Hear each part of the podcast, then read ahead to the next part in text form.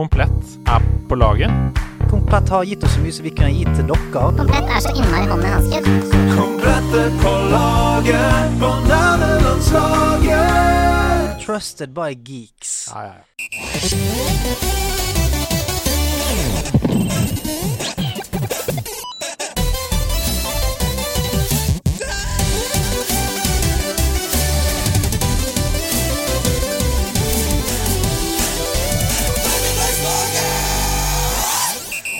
Hjertelig velkommen til deg til ny episode av Nederlandslaget. Høydepunktet i uken for oss som sitter her, i hvert fall. Og er forhåpentligvis for deg også. I påsken i år så er det eh, forhåpentligvis mye nerdesnacks i egget ditt. Påskeharen har til, forhåpentligvis kledd seg ut i en frekk eh, cosplay gjør påsken litt mer nerdete for deg. Eh, i, I studio her nå så er det begynner å bli påskete. Ved siden av meg så sitter eh, en, en fyr som er glad i, i både påske og, og andre ting. Andreas Hedemann. Anything from the trolley! Yes, please. Anything from the trolley! Wow, for en slitsom catchphrase å ha. For det er sånn, Da må du alltid Hvis det er catchphrasen din, så har du har liksom allerede satt deg i en posisjon der du må hente noe. Det må være vanskelig. Ja. Dette er jo fra Harry Potter og De vise sten, skrives det her, når dama på toget går med vogna og selger snacks. Anything from the trolley! Ja, Fikk den ikke ut av hodet etter at jeg hørte episoden med Right in the nebby! Right in the nebby, in it. Men right, uh, right in the trolley, jeg håper jeg å si. Eh, anything from the trolley. Ja. Altså, det hadde jeg ikke giddet å ha som en catchphrase. For Nei. da er det sånn uh, Anything from the trolley. Yes, yes. Excuse me, you have, uh, you have Peanuts. Yeah? Any crisps? Mm, chocolates. Ja, crisps. Jeg, alltid- jeg syns det er så gøy at engelskmenn eh, insisterer på å bruke en annen eh, Istedenfor chips. Ja, en annen engelsk. Men det er fordi det er fish and chips. Det er derfor. Det, er- det, Ja. det er nedarvet derfra. Chips for dem, det er pommes frites. Ja, Mens Ja. crisps er potetgull. ja, ok, chips. Ja, ok, greit. Mm. Men det er mye annet, da. Mye, Ja, la oss ikke begynne der. Da er det mye annet. Men eh, apropos mye annet. Ja. Det, det, det, er fullspekket. Det er fullspekket, og det har vært fullspekket i dager også. Vi har vært i Sandefjord. Det har vi. Du og jeg og Seb og Camilla. Det var veldig gøy. På Komplett Veldig, veldig sitt online. Veldig, veldig kjekt. Streama hele lørdagen der, vi. Mm. Du vant i Apex, og Caroline Mys satte verdensrekord i marbles. Det er helt sinnssykt. Altså, det var Men, men eh, på ekte? Ja, på banen. På den banen vi var på, så var det sånn det er bilde av en globus, og så sto det en tid. Ja. Det er sinnssykt. Wow! At ikke det, at hvor er nyhetene? Ja, hvor, er norsk er presse? Jeg vet ikke. Jeg har alltid sagt at det, sånne ting blir nedprioritert. Ja, det skjønner, Ja. det skjønner jeg ikke. Nei, jeg skjønner ingenting av det. Men det var veldig gøy. Uh, hadde du det fint? Var du fornøyd med winen? Veldig, veldig kjekt. Mm. Altså, uh, det, det var noe i meg som midtveis der. tenkte sånn, Gud bedre, nå, nå har jeg bare sittet foran 1500 stykker og vært kjempedårlig i Apex. eh, sånn som jeg ofte er når jeg streamer. Du ble bedre og bedre. Ja, men ble varm, sant? Muskelen. Ja, ja, Og så var det litt deilig å ha dere på siden der som preiker drit, for da slapp jeg skuldrene litt ned.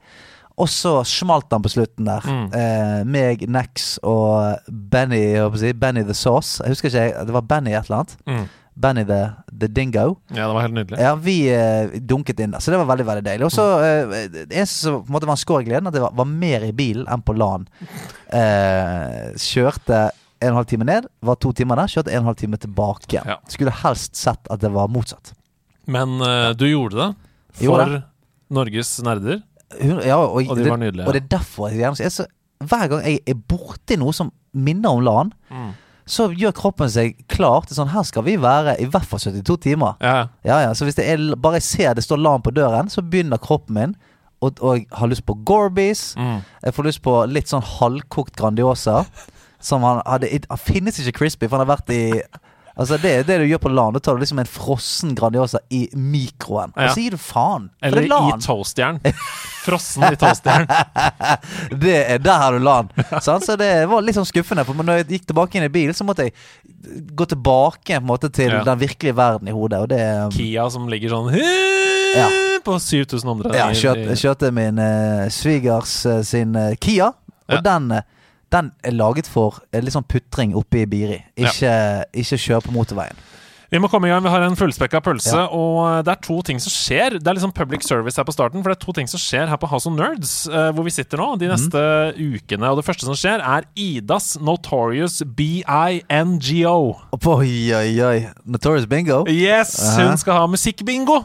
Ida Dritfett. her den 21. april, og det er veldig artig konsept, fordi du som kommer, du sitter i salen, så må du gjette deg fra Altså Ida spiller av en sang, eksempel. Mm. Så må du gjette deg fram Å ja, stemmer det! Det er No Scrubs med TLC. Som Mm. det seg. Og så må du se ned på et skjema, så må du finne No Scrubs med TLC, og da finne tallet. Ja, Så hvis det er 22 som er No Scrubs med TLC, så ser du i, i bingobrettet Har jeg 22? Og så Men, men du, får, du får ikke løsningen. Nei da, Nei. du får ikke løsningen. Eh, og så er det sånn, det er ikke bare deler, da. Det er jo eh, ti spesialinnslag. Hun skal ha rebus, hun skal ha låta baklengs, hun skal ha musikkvideo uten lyd, hun skal ha Google Translate lyrics. En fra ja. publikum skal komme opp og nynne låta mens hun har på headset. ja, ja, ja. Morsomme ting. Alt er, alt er. Så det er gratis å være med. Det er på en måte både quiz og bingo igjen. Mm. Eh, premier til vinnere. Gøy. Altså, come on. Torsdag 21. april. Det, er ingen grunn til å ikke gjøre det. Nei, Og hvis det blir gøy, så fortsetter hun med det en gang i måneden. Ja, og Hvis det ikke blir gøy, så ser vi ikke henne igjen. Nei, det stemmer. Ja, hun er sånn all or nothing. All or nothing der. Det andre er at det er Pokémon Day den 23. april. Det er skamfett. Lørdag 23. april, Mm. så det begynte egentlig med at du kom hit med et stort flagg Ja, som du hadde funnet. stemmer det. Et gigantisk Pokémon-banner som jeg har Som jeg har hatt liggende veldig, veldig, veldig lenge. Viser det til Twitch-streamen Ja, nå. gjør det. Det er altså svært flagg der det står Pokémon Trading Card Game. eh, som jeg tenkte sånn Den der kommer jeg til å bruke en eller annen gang. Mm. Har ikke brukt den. Og da tenkte jeg eh, Altså alt jeg får nå av sånne nerdeting som eh, Som jeg ikke får plass til noe sted, Så bare pøses ned på hånd. Mm. Her, skal vi, her skal det bare være så mye nerdeting at du, du får nerdgasm. Så lørdag 23. april så skal vi lære å spille kortspillet. Det blir mulighet for å kjøpe masse boosterpakker fra opptil ti ulike sett Ja under markedspris. Ok. Ok, Hvor, ok! hvor er businessen i dette her? Eh, det er ingen. Vi Nei, det er bare ikke gir det, bort. Ja, det, er ikke noe business. Dette må vi snakke litt om. Kjøper dyrt, selger Ja, lavt. dette må vi snakke litt om. Det høres ut som en dårlig businessmodell. Det blir bytting av kort, det blir åpning av kort, selvfølgelig. Det blir spilling av Pokémon Stadium og Mhm. Yes! Pokémon Snap på Nintendo 64! Skamfett. Skamfett. Og masse konkurranser med masse pokerrelaterte premier. Og det er bare, det, alt er Poker, bare poker, gøy. poker, poker. alt er bare gøy. Men vi kan ikke drive og sitte her uten å ta inn dagens gjest. Kan vi det? Kanskje vi, ja, men er vi, er, vi helt, er vi blitt så dårlig verter at vi sitter her og skvaldrer om Kia og Pokémon og ikke tar en dagens gjest? Få henne inn! Ukas gjest er fra en helt ekte perle, nemlig nydelige Sigefjord i Lofoten. Og det kommer fra en som har satt beina sine på Sortland både én og to ganger. Og apropos Sortland, kommer du fra Sigefjord, så er det Sortland videregående skole du går på. Og dagens gjest er intet unntak. Hun deler ikke alle andres meninger, men hun er beredt til å dø for deres rett til å hevde dem. Og hun setter generelt pris på snille og hyggelige ansatte og gode atmosfærer der hun banker. Hun jobber i dag som bokansvarlig ved Outland i Oslo og elsker hashtaggen booktalk på TikTok. Hun har en ekstremt smittende latter og mener selv at hun ser ut som en vanskeligstilt sel når hun får latterkrampe, men ikke sku selen på værhårene, for under overflaten skjuler det seg en witcher. Oh. Vi tosser en coin til dagens gjest, som ifølge sikre kilder er så spillfrelst at det er nødt til å bli en fornøyelig affære å ha henne på besøk. Ta vel imot kvinnen som sverger til trosretningen Fairies, Donkeys and Everything Sweet. Her er hun, Mia Karlsen! Hei! Og du må så mye nærmere mikken, for den stemmen der må vi høre. Hei, hei, hei. der er hun. Der er vi, vet du. Godt å ha deg her. Jo, hyggelig å være her. Her sånn på trappen til, eh, til påsken. Hvor, hvilken mindset er du i nå? Ikke helt sånn påske-mindset ennå. Nei. Jeg håper det kommer når påskeegget kommer. Ja. Eh, men nesten der. Hva er, hva er tradisjonen din der? Altså, Når kommer påskeegget? Er, er det noen regler der? Nei. Med, eller med en gang jeg ikke er på jobb mer. Ok, Så det er så i det sekundet du går fra jobb, da er det påskeegg Ja. døden i gapet? Helst. Ja, men det, jeg liker den. Ja, og jeg tror det er ganske mange som kjenner på det. Vi sitter jo her nå på en tirsdag. Uh, I morgen er det onsdag, og så er det skjærtorsdag. Ja. Så det er liksom rett før Godt, det er godt resonnert på, på Ja. ukene der. Og hva kommer etter der, da? Fredag, kanskje? Lang fredag! Ja, ja, Nei, men jeg altså. vet at det er mange som i skrivende stund driver og rapper opp jobben. Det Mm. er det jeg prøver å si. Så nå er, har du også ferie fra i dag av, eller? Jeg har ferie fra og med i går. Deilig. Men påskeegget har latt vente på seg, eller? Ja. Ja. Um, jeg, f jeg føler jeg må vente til det faktiske er påske, Ja. egentlig. Altså, jeg, jeg får ikke den påskestemningen før jeg finner et easter egg i spill, jeg, faktisk. Oi! Ja. Det er først, først da jeg kjenner at nå, nå er det bare å komme seg i kirken. Tenker jeg, da. Vi møttes jo første gang i forbindelse med et sånt arrangement her på House of Nerds. Men kan ikke du fortelle litt om deg selv? Hvem er du? Hva er det du driver med? Jo, jeg er jo Jeg heter Mia. Jeg eh, jobber på Outland eh, og er bokansvarlig der. Så ansvarlig for alt som har med bøker-bøker. Eh, så kun tekstbøker. Mm. Er det det dere kaller dere? Er det det det heter i forlagsbransjen? Eh, Bøker-bøker? Bøker-bøker, ja. For du har mangabøker og Ja. tegneseriebøker. Lydbøker. lydbøker. Og så er det eh, bøker, bøker. Ja, og bøker-bøker. Ja. Så det er det jeg holder på med. Men er det eh, kun tekst? Ingen, ingen bilder? Noen har jo det, da. Men ja. Men for, for jeg, jeg tenker kanskje på bøker, bøker, bøker. Jeg. Altså, som er den med bare tekst. Bøker, bøker, bøker. Mm. ja. Ja. Mm. Som Sånn som de har på skolen. Ja. Skikkelig kjedelige. Det dealer vi ikke med. Nei. Vi har bare artige bøker. Bøker-bøker. For de som tror at det er noen som protesterer voldsomt på bøker, bøker, bøker ved siden her, for de hører roping og sånn i bakgrunnen, så er det bare noen som koser seg på VR Escape Room ved Ja, siden av. rett og slett. Vi må bare Disclaimer. Det er ingen barn som blir plaga i rommet ved siden av. Ja, det er mulig. Det vet ikke vi noe om. Eh, men det var veldig hyggelig. Det kom eh, Altså, det var to eh, unge gutter, sikkert 10-12 år gammel, som de har aldri sett noen som er så giret på å komme seg inn i Escape Room. Altså, da eh, KP som jobber her ute, kom og sa ja, da er vi klar. Han spratt opp, tok nesten salto inn i rommet. Han var så griseklar for VR Escape Room. Åh, det er så deilig. Denne, nå er vi ferdig på skolestemningen. Ja, Elsker. påskeferie. Ja, fy flate. Men det er jo én ting vi er spesielt glad i her i nederlandslaget. det å vite uh, the origin story. Hvor tid tok nerdemyggen og beit deg? Det var på slutten av 90-tallet. Fikk jeg bekrefta i går av min mor. Eh, for det måtte jeg finne ut av, for jeg husker ikke. Oppe Eh, på i- Sortland der. På eh, i, Ja, i Siggefjorden. Mm. Um, på eh, I form av en Nintendo 64. Oh. Ehm, god gammeldags Nintendo 64. Den eneste i bygda. Nei, er det sant? Nei. åh, åh. Men det kunne vært, for det Det var kunne- ja. Altså, jeg kommer jo fra Oslo. Ikke at det er noe by og land hand i hand og det, det, sånne forskjeller og sånn, men det var veldig få som hadde Nintendo 64 i min klasse. Ja. Uh, så det var ikke noe sånn Ja, det var ikke noe bygderasisme ute og gå her. Mot at uh, der oppe var det bare én som hadde Nintendo 64. For min del var det litt det. oh, ja, okay. uh, men Ja, for min del så var det For min del så var det rett og slett at det var få som hadde det. Um, hos oss var det litt mer at det var sånn én person som hadde en PlayStation, oh, ja. og de, de var rar. ja, de var oh, rare, ja. Men, de nei, nei, ikke rare. rar. Men, Ja, men jeg eh, skjønner det. søskenbarnet mitt. Men uh, uansett.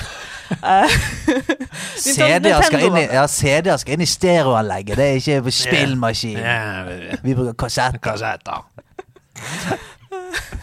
Noe sånt, ja. Ja.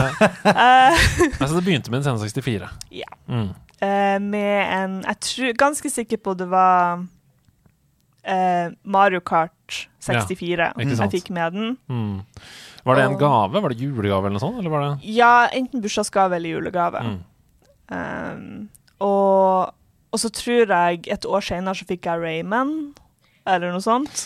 Ja, Um, for det kom jo til Nintendo 64, det. Ja. Rayman The Great Escape Gjorde det det? kom på Nintendo 64. Ja, det har på meg helt. For det var jo egentlig et PlayStation-spill. Begynte Rayman 1 og 2 der. Men uh, jeg tror The Great Escape var det første som kom på N64. Har, Det ned, har det gått ned i historiebøkene, det, på noen måte?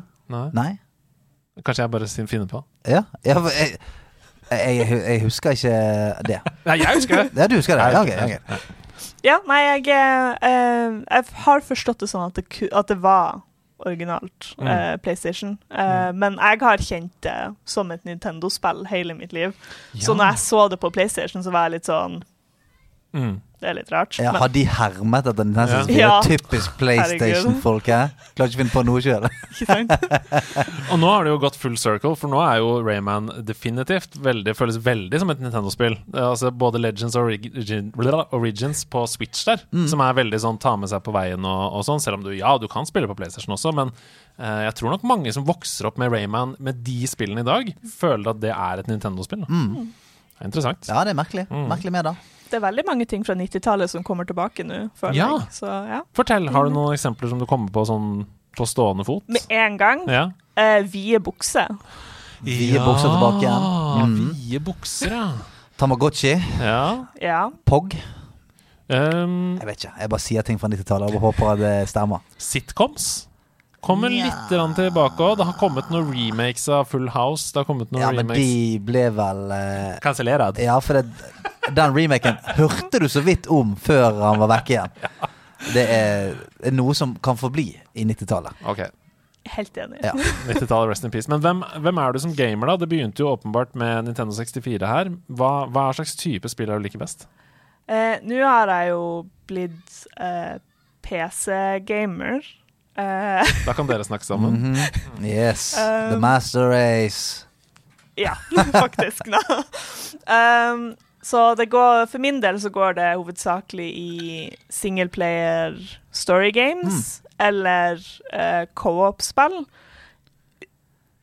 Utrolig lite next to nothing uh, online, fordi folk er Ja, kjipe, ja. folk. Er folk. Ja. Folk er Eh. folk. Altså, det er det vi kaller kjipe folk. Folk-folk. Ja. Samme som bøker-bøker. Det er folk-folk. Eh, det er folk som er skikkelig folkete. Eh, Men- på, på den verste måten. Det er jo helt forferdelig at du må si det. At uh, du, du unngår online gaming fordi folk er folk, liksom. Men uh, har du opplevd mye kjipt fordi du er, har kvinnestemme, eller liksom er det Nå skal jeg si at jeg har ikke spilt så mye Mm. online, eh, f- men det er nettopp fordi at jeg har sett at folk er ikke så veldig Hyggelig. hyggelig. Mm. Eh, men jeg prøvde meg på Dota, Mm. um, for jeg ville joine samboeren min og spille Dota. Jeg kom Mm. meg gjennom uh, introen hvor man spiller mot bots, og så begynte jeg å spille litt grann, uh, online, og jeg var sånn No! Wow. Folk er I'll, yeah, I'll turn around. Ja, ja, gud bedre. Altså, sånn, jeg husker veldig mange år siden. Og jeg, jeg har jo jeg har ingen grunn til å på en måte føle at her skal det være kjipt, men jeg begynte å spille League of Legends for en kompis som jeg hadde spilt i noen år, og sa sånn Du må begynne å spille det. Og samme greien der. Du, blir bare, du får en liten tutorial der. For bare sånn Sånn skyter du på folk, så skal du rett ut i en kamp. Og det som er problemet, er jo ikke å spille mot folk, det er jo å spille med folk. Fordi at Ja. du er bare sånn Hei, jeg har, jeg har ikke spilt dette før. Og folk bare sånn Å, fy faen! Typisk min flaks! Ja, ja, har vi fått en sånn jævla løk i den så bare, Hæ, men kan ikke folk bare si sånn Kan ikke jeg få litt hjelp her, da? Så det, det, for, Jeg forstår veldig godt det aspektet. Sånn, hvis man tar vekk alt annet, så skjønner jeg at det noen ganger kan føles litt sånn scary å gå inn i multiplayer-universet. Fordi at det er akkurat som at det er blitt lagt sånn er lagt en forventning om at ja, men du skal allerede kunne det. Det er ikke noe akademi. Det er ikke sånn eh, Altså, Vi bruker jo ofte fotball, for det er så veldig lett. Men sant? Der begynner du gjerne å spille når du er fem år. Og så har du gjort det masse. Og så når du først skal på en måte spille kamper og sånt når du er eh, seks år eldre, så, det, så er, er det på en måte Da er det greit. Mm. Mens her er det sånn Du får en tutorial. Sånn 'Dette er et sverd. Sånn slår du. Nå skal du inn med alle de andre, og så eh, lykke til'. Eh, Noen av de har spilt i 15 år. Noen av de har spilt i, i tre år. Eh, de gir faen i hvor lenge du har spilt. Så det er ikke noe hyggelig. De beste opplevelsene der, det er jo de som faktisk klarer matchmaking. Sånn at du da kommer i et party med alle andre som kommer rett ut av tutorial. Yes, yes, yes, Men de som ikke klarer det, f.eks. Dota, Ja. kan bli en kjip opplevelse. Men singleplayer story games, ja. mm. hva er det som fikk deg dit? Uh, helt klart Legend of Zelda. Mm -hmm. uh, lille Mia som satt i stua, og så Jeg, hadde, jeg eide ikke Ocarina of Time sjøl, men søskenbarnet mitt hadde det. Satt og så på at han spilte, forelska meg i voksen-Link, uh, og fant ut at wow, det er faktisk storytelling gjennom spill. Mm. Amazing. Mm. Og der starta det. Jeg er ganske sikker på. For du er jo bokansvarlig i dag, men du har sikkert tradisjonelt hatt et godt forhold til bøker alltid, da. Og så fikk du plutselig oppleve at wow, du kan få den samme fortellingen eller historiefortellingen via spill. Jeg kan faktisk være i universet. Liksom, jeg kan gjøre ting i universet. Mm. Som er grunnen til at hack and slash-spill amazing. Jeg kan ja. gjøre hva jeg vil.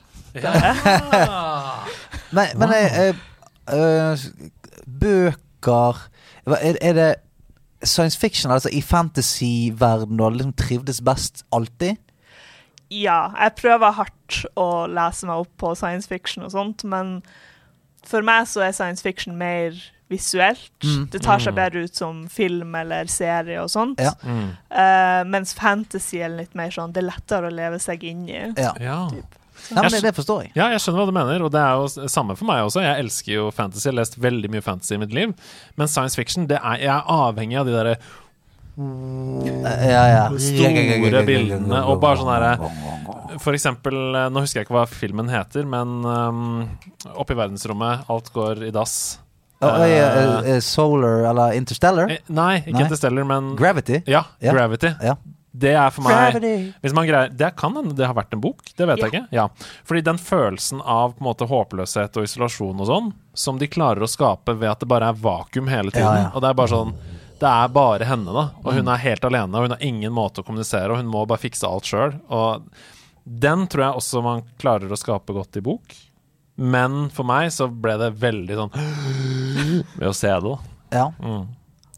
Ja, men altså, jeg, eh, jeg, jeg De tingene jeg har lest av eh, Altså, jeg leser mye bøker, men det er veldig mye sakprosa eller eh, ting som er sånn Ja, men jeg må lese det for å lære meg en ting. Mm. Som en podkast, eller? Ja, men, mens når jeg skal lese noe som eh, er skjønnlitteratur, så klar, Da må jeg liksom Sånn, jeg må i fantasy eller i Jeg må av gårde gå en annen verden eh, på mange måter. Sånn, krim og sånt syns jeg er litt sånn greit, men det blir for nærmt. Alle heter sånn eh, Roger Berntsen og eh, Så er det sånn OK, dette her Og alt foregår i Oslo, så er det sånn mm, jeg har lyst til at det skal være en fantastisk sted som, som du aldri har hørt om før, og du på en måte oppdager det samtidig som du leser boken, og all- alle disse magiske tingene skjer.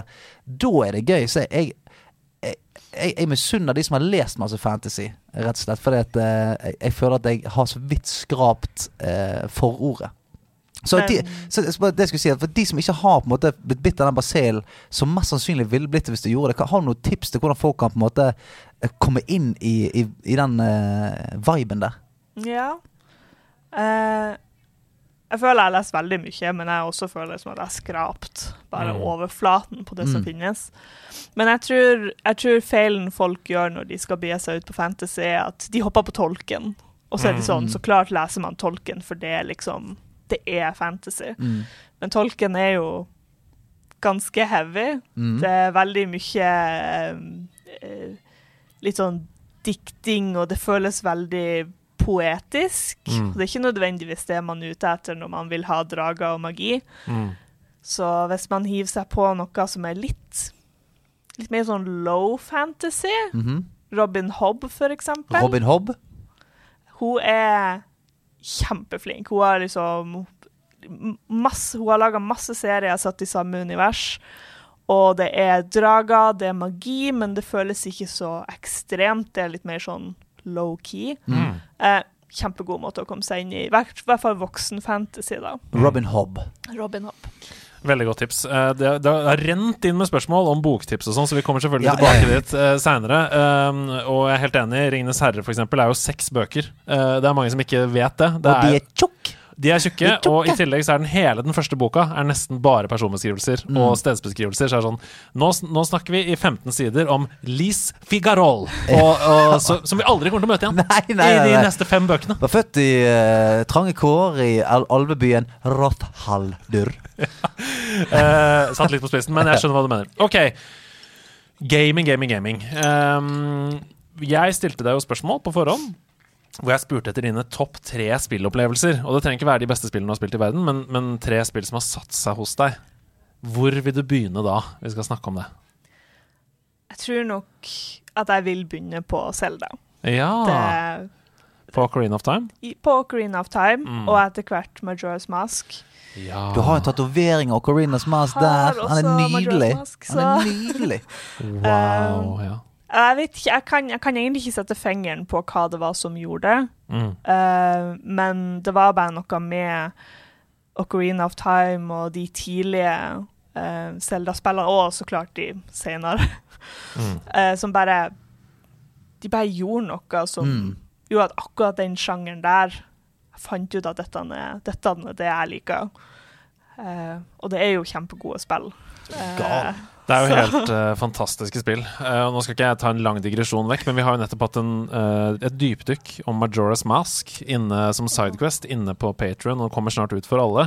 Og jeg bare, hvis vi har mulighet til å bruke et minutt på dette, så vil jeg bare Fordi Ocarina of Time var jo Det revolusjonerte jo eh, eventyrspillsjangeren da det kom. Så mange ting de gjorde for første gang som vi aldri hadde sett før, som gamere, og de satte standarden for hva spill skulle være. Og det var det største spillet som til da hadde kommet i spillhistorien. Så hvordan skal du følge opp det? Ja. Når du skal lage Majora's Mask etterpå De fikk under et år på å lage Majora's Mask før det måtte ut i butikkene for å nå julegreiene. Og likevel så greide de å lage en så innvikla, sjuk historie om tap og sorg, og hvor du som spiller føler deg helt Du er helt fortvila Mm. hele tiden. Impending doom. Fordi alle dør hele tiden. Ja. Alle dør, og så starter de på nytt. Der hvor du får game over i andre spill, Mario, så, så er det sånn Respawn, begynn på nytt igjen. Her er det dette som skjer. I ett og et halvt minutt, når klokka nærmer seg slutt, så er det denne musikken som kommer. ja. den er jævlig. Og så og Her er jo lydeffektene tatt vekk òg. Du hører jo lyden av månen som Og bjelle. Så samme hvor du er. Hvis du er midt inne i et tempel Du er på vei til å komme til bossen, mm, så begynner dette å spille, og du skjønner det er tapt. Ja. Det er for seint. Jeg kommer ikke til å greie det denne gangen heller. Og av meg så blir det ikke game over. Hele Termina kommer til å dø. Dette er det siste utpustet. Og den crescendoen som kommer i musikken de neste 30 sekundene her, det er det siste livsgnisten som sklir ut av alle mennesker du har møtt, før du respawner, Wow. og så er du i gang igjen. Hør, bare, bare hør på dette. Jeg tror det være hyggelig podkast.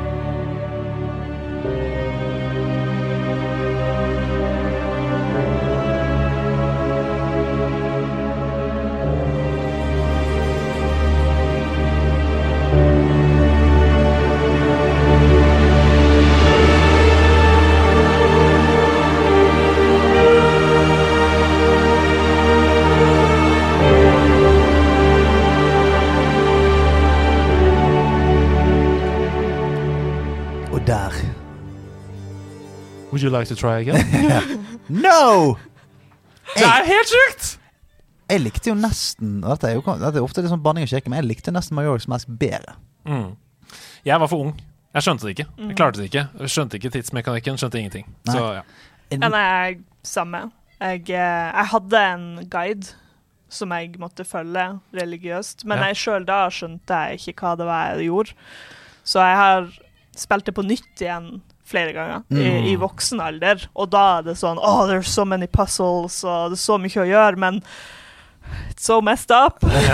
so messed up. Men jeg har alltid en, en spillmekanikk som jeg alltid elsker, nesten uansett hvilket spill det er, og, og som, jeg, som jeg alltid har hatt, det er denne å samle noen ting som måtte gir deg andre skills, sånn som masken og sånt. At du kunne få eh, maske som gjorde at du ble en sånn her Goron. Du kunne svømme. Eh, andre masker som på en måte ga deg en eh, Altså folk reagerte annerledes til det. Du måtte ha en maske for å snakke med han og gjøre denne tingen her. Alltid elsket det. Litt sånn som eh, eh, Nino Kuni. At det er sånn du skal samle disse dyrene for å gjøre denne tingen. Og alle sånne samleting for å kunne gjøre nye ting. Elsker det. Blir helt sånn sykt avhengig av det. Sykt avhengig. Du innrømmer egentlig nå at du har et enormt uh, Kjempeproblem! samleproblem. Kjempeproblem! Ikke gi ham Pokémon-kort Ja, og mikrotransaksjoner! Ingenting. Alt. Hold det vekke fra meg. Ok, nå snakker jo vi mer enn du snakker, selvfølgelig, fordi vi blir så gira. Men, eh, men hva er det med Selda, da? Hva er det med Ocarina of Time? Hva er det med den type sjangeren som gjorde at det var liksom bare Jeg tror når jeg, når jeg var yngre, så visste jeg ikke at det var den type spill, eller den type storytelling jeg likte. Mens Mm. nå når jeg er blitt voksen og har begynt å lese mye bøker og sånt, så er det jo helt klart story-delen som gjør det. Mm. Eh, og Link Ja. eh, og sånt. Eh, For han er kjekk på ekte, på en måte. ja. Ja, voksen, ja men voksen-Link. Ja. Nice, a hank. Ja, Lev for det. Hank. Um, Når han drar det sverdet opp av steinen der Ja. Ja, ja. det var høydepunktet når man spilte Queen of Time, og man har spilt det flere ganger før, og man visste at nå nå skjer det. Amazing. Ja. Og du bare til venninnene dine bare OK, OK, okay nå, nå skjer det. Det var den tidens Magic Mike. Ja. Ja, det var det. det slett. det det. Eh, den den 8-bit-filmen, liksom. Ja, ja. Uh, tenk om han var ekte. Nei, men det er veldig gøy. Um, men det er den heltehistorien, da, kanskje? Ja, det er en veldig typisk sånn uh, chosen one. Mm. Uh, godhet mot uh, liksom Ja. Ja, vel denne coming of age, eh, sånn Anakin-pakken. uten at han, det gikk ikke så jævlig bra med han, da. Men den denne hadde noe i seg, og så ble han voksen, og så eh, ble han bare super powerful. Og tok sin plass i verden. Men jeg tror også jeg likte at det var litt mørkt. Ja. For uh, Ocarina of Time var jo utrolig mørkt. Majora's Mask var mye verre, Mm. men Ocarina of Time, sånn som når du går gjennom byen som voksen, og du ser Ja. Ja, fy faen, altså. Det er de zombiene. The worst. Ja, helsike. Og når de grabber deg og Ja, ja, det er det verste. Altså, det det skumlere enn Resident Evil. Ja, ja, God, med Resident Evil så hadde du i hvert fall en gunner du kunne skyte det med. Ja. Her bare løp du rundt. Du kunne ikke gjøre noe med det engang. Helt forferdelig. Uh, men- ja. Eh, men jeg tror, jeg tror det også var eh, en ting som gjorde at jeg likte det veldig godt. At det var, Mm. det var litt annerledes. Det var laga for barn, kinda, men det føltes, det føltes litt voksen. Ja, ja. De tok barna på alvor. Det var Ja. det det var. Og, De traumatiserte dem, sånn som man gjør med voksne. Ja, men hallo, altså Det å få barn til å gå ned i en brønn, og der er det noe hemmelig skjelett som lever nedi brønnen. Hva tror du jeg tenkte på hytta neste gang jeg skulle se ned i Ja, ja, det skulle faen ikke ned i brønnen. Nei, selvfølgelig ikke. Og Nei, nei. Shadow Temple, og det må Lens of Truth, og der er det noen kroppsdeler som er Ja, de henger Det verste. virkelig. Mm. Um, men ja, bare hele oppbygginga Mm. til Zelda. Og så gjennom alle spillene også. Um, amazing. De har gjort en kjempebra jeg tipper, jobb. tipper du har lest den der som ligger nede på uh, Outlander. Den er fulle kanonen av, uh, av Zelda. Stemmer det? Det stemmer så jævlig, det. Nei. Jo! Har ikke du det? Nei, Ok. Ah, nei, ok. ok. Nei, nei, okay. faktisk ikke. Nei, nei, ikke Men- heller, så er det ikke noe å slå i bordet med. Men hun er, hun er ansvarlig for at den ligger der, da. ja, det Så det, det. er greit. Har hatt så lyst til å kjøpe den et par ganger. Men jeg vet at hvis jeg kjøper den, så må jeg lese det. Og det skal take some time. Ja, sommerferien er snart rundt hjørnet, sier vi. Um, neste spill av de topp treene dine. Uh, helt klart The Witcher. Toss a coin to your witcher Jeg sa det jo litt i introen her. Du gjorde det? Jeg gjorde det fordi da det var liksom Dagbladet skulle ha ett intervju om uh, Nå kommer The Witcher som serie. Hvem er det de ringer? Jeg tipper det var Mia. Ja, det var Mia. Der står det The Witcher-fantast! Mia Karlsen Oi, fantast, ja. si. Ja, ja. Så nå er jeg klar. Ja. Disippel! Fantast! Jeg er kanskje litt over gjennomsnittet glad i Witcher. Ja. Uh, og det starta Jeg hadde aldri hørt om The Witcher før 2015. Mm. Uh, før en kollega av meg begynte å være sånn Snart kommer Witcher 3. Mm. Amazing. Gleder du deg? Og jeg bare Vet ikke? Jeg har aldri hørt om det. Og så begynte jeg å liksom undersøke litt, og så var jeg sånn Wow, OK, tre spill. Hm. OK, OK, ok, ok, kult. Og så så du bildet av Gerald og tenkte Link som voksen. Ja. Link som litt sånn uh, sølvrev. Hvitt hår? Ja, han har liksom blitt litt skikkelig Han har blitt, uh, Moden. han er blitt skikkelig moden nå. Ja, ja, ja. Hacken. ja jo, nei, ka mm, kanskje det ligger noe i der. Ja. Mm, kanskje jeg lærte noe om meg sjøl. Langt, blondt hår, sverd. Ja. Uansett. Å, det rødmes! Jeg elsker det. Ja, ja, ja, Men det er igjen. Det samme greiene. Geralt. Sexy motherfucker. Ja, han er det. Sexy Ja. Motherfucker. ja. Helt, 100%. eh, Henry Cavill òg, som uh, ja. Woo! Godt ja, ja. valg. Jeg stiller meg i kø. That's my wolf. Absolutt. That's my blood and wine. That's my blood and wine. Ja. Ja. Men ja, så kom The Witcher 3. Du, Så kom The du hadde Witcher begynt å researche at det var to spill i serien osv. ja, for at jeg fant ut Jeg begynte å spille eh, Jeg spilte fem minutter av Witcher 3, fant ut at jeg skjønner ingenting. Nei. Så jeg begynte å spille Witcher 1 Uff. og 2. Uff. Eh, Du, du runda dem? eh, ja, ja. Oi, Mye, er mye, men mye tyngre spill enn 3, Ja. syns jeg. Ja. ja, nei, altså Witcher 1 var en challenge. Ja. Jeg brukte Jeg satt i to timer i strekk med siste bossen. Mm. Fordi at de hadde hele opplegget med potions og Mm. healing og sånt så cronky og Yes. forferdelig. Mm. Men jeg fikk det til. Ja, ja for det, det er jo jeg, jeg spilte begge de to sånn ganske tidlig, og jeg husker de som sånn jævlig knotete opplegg. Jækla knotete. Mm. Og treeren er jo bare mozzarella. Mm. Men jeg tror det var derfor det var viktig at jeg spilte de før eh, Ja. Før tredje Ja. spillet. Yes, yes, yes, yes. For hvis jeg hadde spilt tredje spillet og så skulle gå tilbake, så er jeg litt usikker. Var, Så jeg er litt usikker på om jeg klarte å fullføre det. Ja. Mm. Nei, det var helt umulig for meg. Um, og det var litt sånn Jeg sleit med Uncharted. For jeg begynte heller ikke på Uncharted 1. Jeg begynte på Uncharted 2. Ja, sant.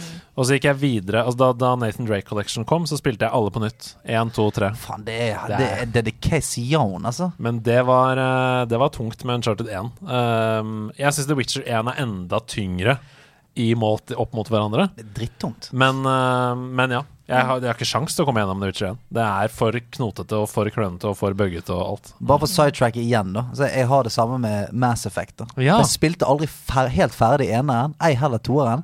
Så når treeren kom, og i hvert fall nå som den, eh, den collection kom, Mm. så var jeg sånn Åh, men jeg må jo på en måte spille gjennom alt. Men det er jo svære spill. Ja, ja. Og det var sånn Åh, det orker jeg ikke. Mm. Men det, jeg gjorde akkurat det samme på Mass Effect. At Ja. jeg spilte én, to og så tre. Kjørte deg 100 timer per der. Eh, ja. Rolig 100. Man må jo, det er jo helt forferdelig spill.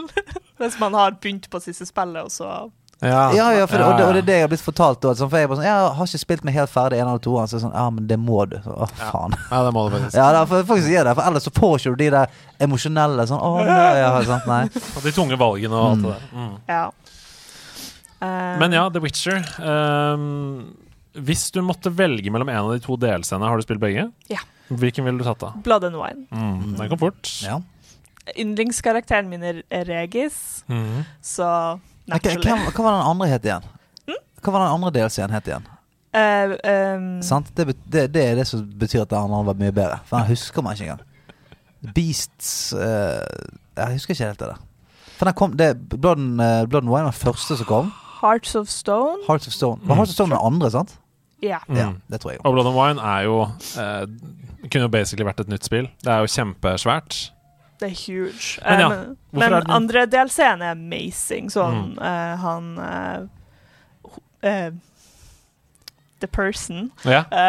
Odim, Mm. i den er han bonkers, men Mm. amazing. kjempebra laga. Men som du sier, Blood and Wine er jo Det er jo bare et spill for seg sjøl, Mm. Og har med veldig mye av karakterene fra bøkene. eh, og det er veldig artig. De har, de har du lest, selvfølgelig. Ja. Ja. Ja, det var bra. De har ikke bare lest, de har, du har studert de bøkene. Ja. Men er du på Gwent-kjøret? Nei. Nei, ikke Jeg på hater. Gwent. Ja, okay. Det er det verste. Jeg likte i Witcher 2 når du kasta terninger. Ja. Um, Ja, jeg spilte ganske mye Gwent. De kalte meg Gwent Stefani på et tidspunkt. Nei, det ble feil. Ja, takk. takk. Det ble alltid så, det ble alltid så stille i studio etter deg. Ja, men det er, jeg, jeg vet ikke, jeg føler at det gir mer komisk effekt, men jeg holder jo inne latteren. Det er veldig feil. Ja, det blir helt feil. Det Det. er veldig dumt. Altså, Man skal ikke spare på latteren. Jeg skal skjerpe meg. Den skal ut, da. Ja. Men ok, eh, fra Gwen Stefani til eh, tilbake til The Witcher. Du sa at du hadde en favorittkarakter. Hva er grunnen til det? han er veldig kul. Men han, han, var ikke, han var ikke favorittkarakteren min før jeg leste bøkene. Nei. For det er i bøkene han er veldig kul. Mm. Um, og han er jo en Han er jo en vampyr som er gått um, Han er blitt eh, vegetarianer, basically, i Mm. vampyrsens. Mm. Mm. Så han spiser ikke av mennesker. Bare grass-fed eh, mennesker. Ja, yeah. basically. Uh, og han er Han er så sassy, Mm. for han er jo et monster, og det Geralt gjør, er jo å drepe monster. Men han, han står der og er litt sånn Kamma. What you gonna do? Ja, kamma. Skal du drepe meg, skal du ikke drepe meg? Who knows? Um, så han er, han er bare en veldig sassy karakter. Mm. Er ikke redd for døden. Ikke redd i det hele tatt. Nei, altså, han er jo død. Ikke, ikke, er ikke vampyr egentlig død allerede? På en måte. På en måte død. Um, Ikke i Witcher-universet, i hvert fall. Uh, for der blir de De blir bare turned. Ja. uh, ja, i Skyrim òg. Turnt. Turned. Turned du, up. du får sånn vampirism, Ja. og så går det noen dager. Du har fått vampiris til Lingriaris. Ja, men en, sånt, som, en zombie, da. ja, de er jo døde. Ja, hvorfor det? Ja, fordi der er hjernen død. Er ikke han bare infisert, da? Det kommer an på zombie. Er det sant? Mm. Ja, sant, Er det. Walking Dead-zombie, eller er det sporezombie? Jeg bare, jeg bare hiver den inn der. Ja. Så kan du kjenne litt på det. Ja, vi kjenner- vi kjenner, det. Ja? Ok, neste spill på lista di. Number Dress. Eh, ve veldig nylig spill. Ah. Eh, Elden Ring. Jeg vet ikke om dere har hørt om det. Du, det, det ringer en bjelle. Ja. The Elden Ringer en brele. ja. Uh, ja, da er det sånn at vi er jo en spillredaksjon uh, der eh, to av de fem er fullstendig fortapt Ja. og er umulig å få ut av spillet. Har ikke hørt fra de siden. Nei, og jeg snakket med en av dem i går, Sebastian Brunstad, som sa det kommer ikke til å endre seg. Jeg beklager. Så vi kommer ikke til å få de ut av det spillet. Nei, nei. Og da kan ikke vi begynne å spille det. Fordi da blir hele redaksjonen lamma. Ja. ja, men det er litt sånn som i skrekkfilm når Hvis to stykker går ned i kjelleren og ikke kommer tilbake igjen, da bør ikke resten av huset Gå gå ned. ned og lete etter dem. De, vet, de vi som sitter i kinosal, vet at ikke gå ned der. Spread out! Ja, ja, ja. Det, det, og det er der vi er nå. Sant? To stykker har gått ned i kjelleren, vi hørte et skrik. Hørte ikke noe igjen. Vi blir i stuen. Vi blir her Men oppe. I Dungeons and Dragons så skal du aldri splitte party. Skal ikke det? Oh. Så nei, aldri Ah, splitte party. Så kanskje dere Kanskje det er vi Kanskje- som sliter. For de er jo i hvert fall sammen der nede. Ja. Dau. Ja. Så vi, her, vi kan være sammen her oppe. I live. Ikke det høres ikke det litt? Det så nydelig ut. Men ok, la oss um, komme til kjernen av hvorfor du syns Elden Ring er så amazing at det måtte være en av dine tre spill. OK, så greia er at jeg, jeg, jeg, jeg har aldri påstått at jeg er veldig god på gaming. aldri, jeg er ikke spesielt god på spill generelt. Men det er noe med når man klarer å ta en boss Mm. i et soul-spill, Mm. Ja, ja, ja. som gjør at du føler deg så utrolig powerful. Mm. Mm. Jeg har tatt fire til nå, som er fire mer enn det jeg trodde jeg kom til å ta. Mm. Og jeg føler meg on top of the world. Ikke det helt sånn bonkers mange bosser i Elden Ring? Ni eller ti? OK. Eh, eller det er main-bosser, Ja. da, men du har masse sånn optionals, Ja. ja. mm, minibosser. Jævlig med minibosser, ser det ut som i hvert fall. utrolig mye minibosses. Eh, og av og til så føler jeg at de er verre enn de store. Så, og det er nesten sånn i, i alle Soul-spill så har jeg nesten erfart det samme. At det er sånn Kommer til stedet sted sånn Å ja, her er det en fyr som skal prøve seg litt med stort sverd. Hva i helvete?! Og så dauer du. Ja. Og så er det tilbake til start. Og så tar du en pause et par uker. Men den følelsen du snakker om der, den kan vi jo relatere oss til Mm. begge to. For du har jo spilt både Bloodborne og Sekiro, Sekiro, mm. eh, og jeg har spilt Bloodborne og Dark Souls. Så um, det er jo rusen. Mm. Og Demon Souls har jeg selvfølgelig spilt, det har jeg unna. Um, og da, den rusen der, den slipper jo ikke taket før du er gjennom. Du må gjennom. Så jeg vet jo, eh, når jeg er ferdig med å anmelde mm, Lego Star Wars, som jeg nå skal spille Så jeg har hele tiden sagt når jeg er ferdig med når jeg er ferdig med så skal jeg begynne på Elden Ring. Men det kommer jo nye ting hele tiden i 2022. Eh, så skal jeg begynne på det. Jeg gleder meg veldig. Jeg skal streame litt og sånn. Men ok, er det noe annet med Elden Ring? Eh, det er jo et enormt stort spill. Hvor langt uti er du, vil du si? Um, uff. Jeg tror jeg spiller litt over 40 timer. Mm. Um, og jeg tror kanskje jeg er ikke halvveis. Nei. Jeg er ikke halvveis. Rune Fjell Olsen sa jo det i sin anmeldelse, at han spilte 50 timer før han begynte på campaignen. Ja, herre min hatt Før første boss, liksom. Ja, det blir litt vanskelig for meg å, å se for meg i det hele tatt. Det er mye Det er mye. Det blir, for mye for, det blir mye for meg. Men det er så utrolig mye å se.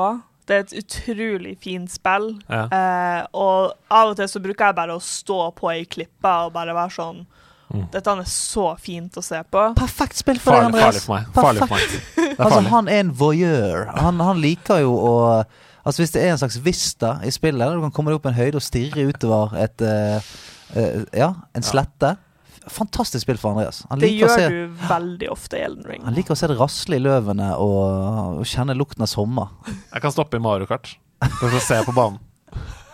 Ja, ja. Det er noe hus her og ja du er på roadtrip, du. Du, faen, her, vi, vi, vi raster her, vi. Vi raster her. ved siden av huset til Todd. Du burde ikke raste noen plasser i Elden Ring. Du burde Nei. bare keep going, fordi at alt dreper deg. Eh, Ja, Ja. Til og med selve rasteplassen. Ja, selv, ja. Ja. Der blir det hengemyr i løpet av kvelden. Ja. Uh, nei da. Det, eller jo da. Det er i hvert fall et utrolig fint spill. Eh, Mm. utrolig mye å gjøre.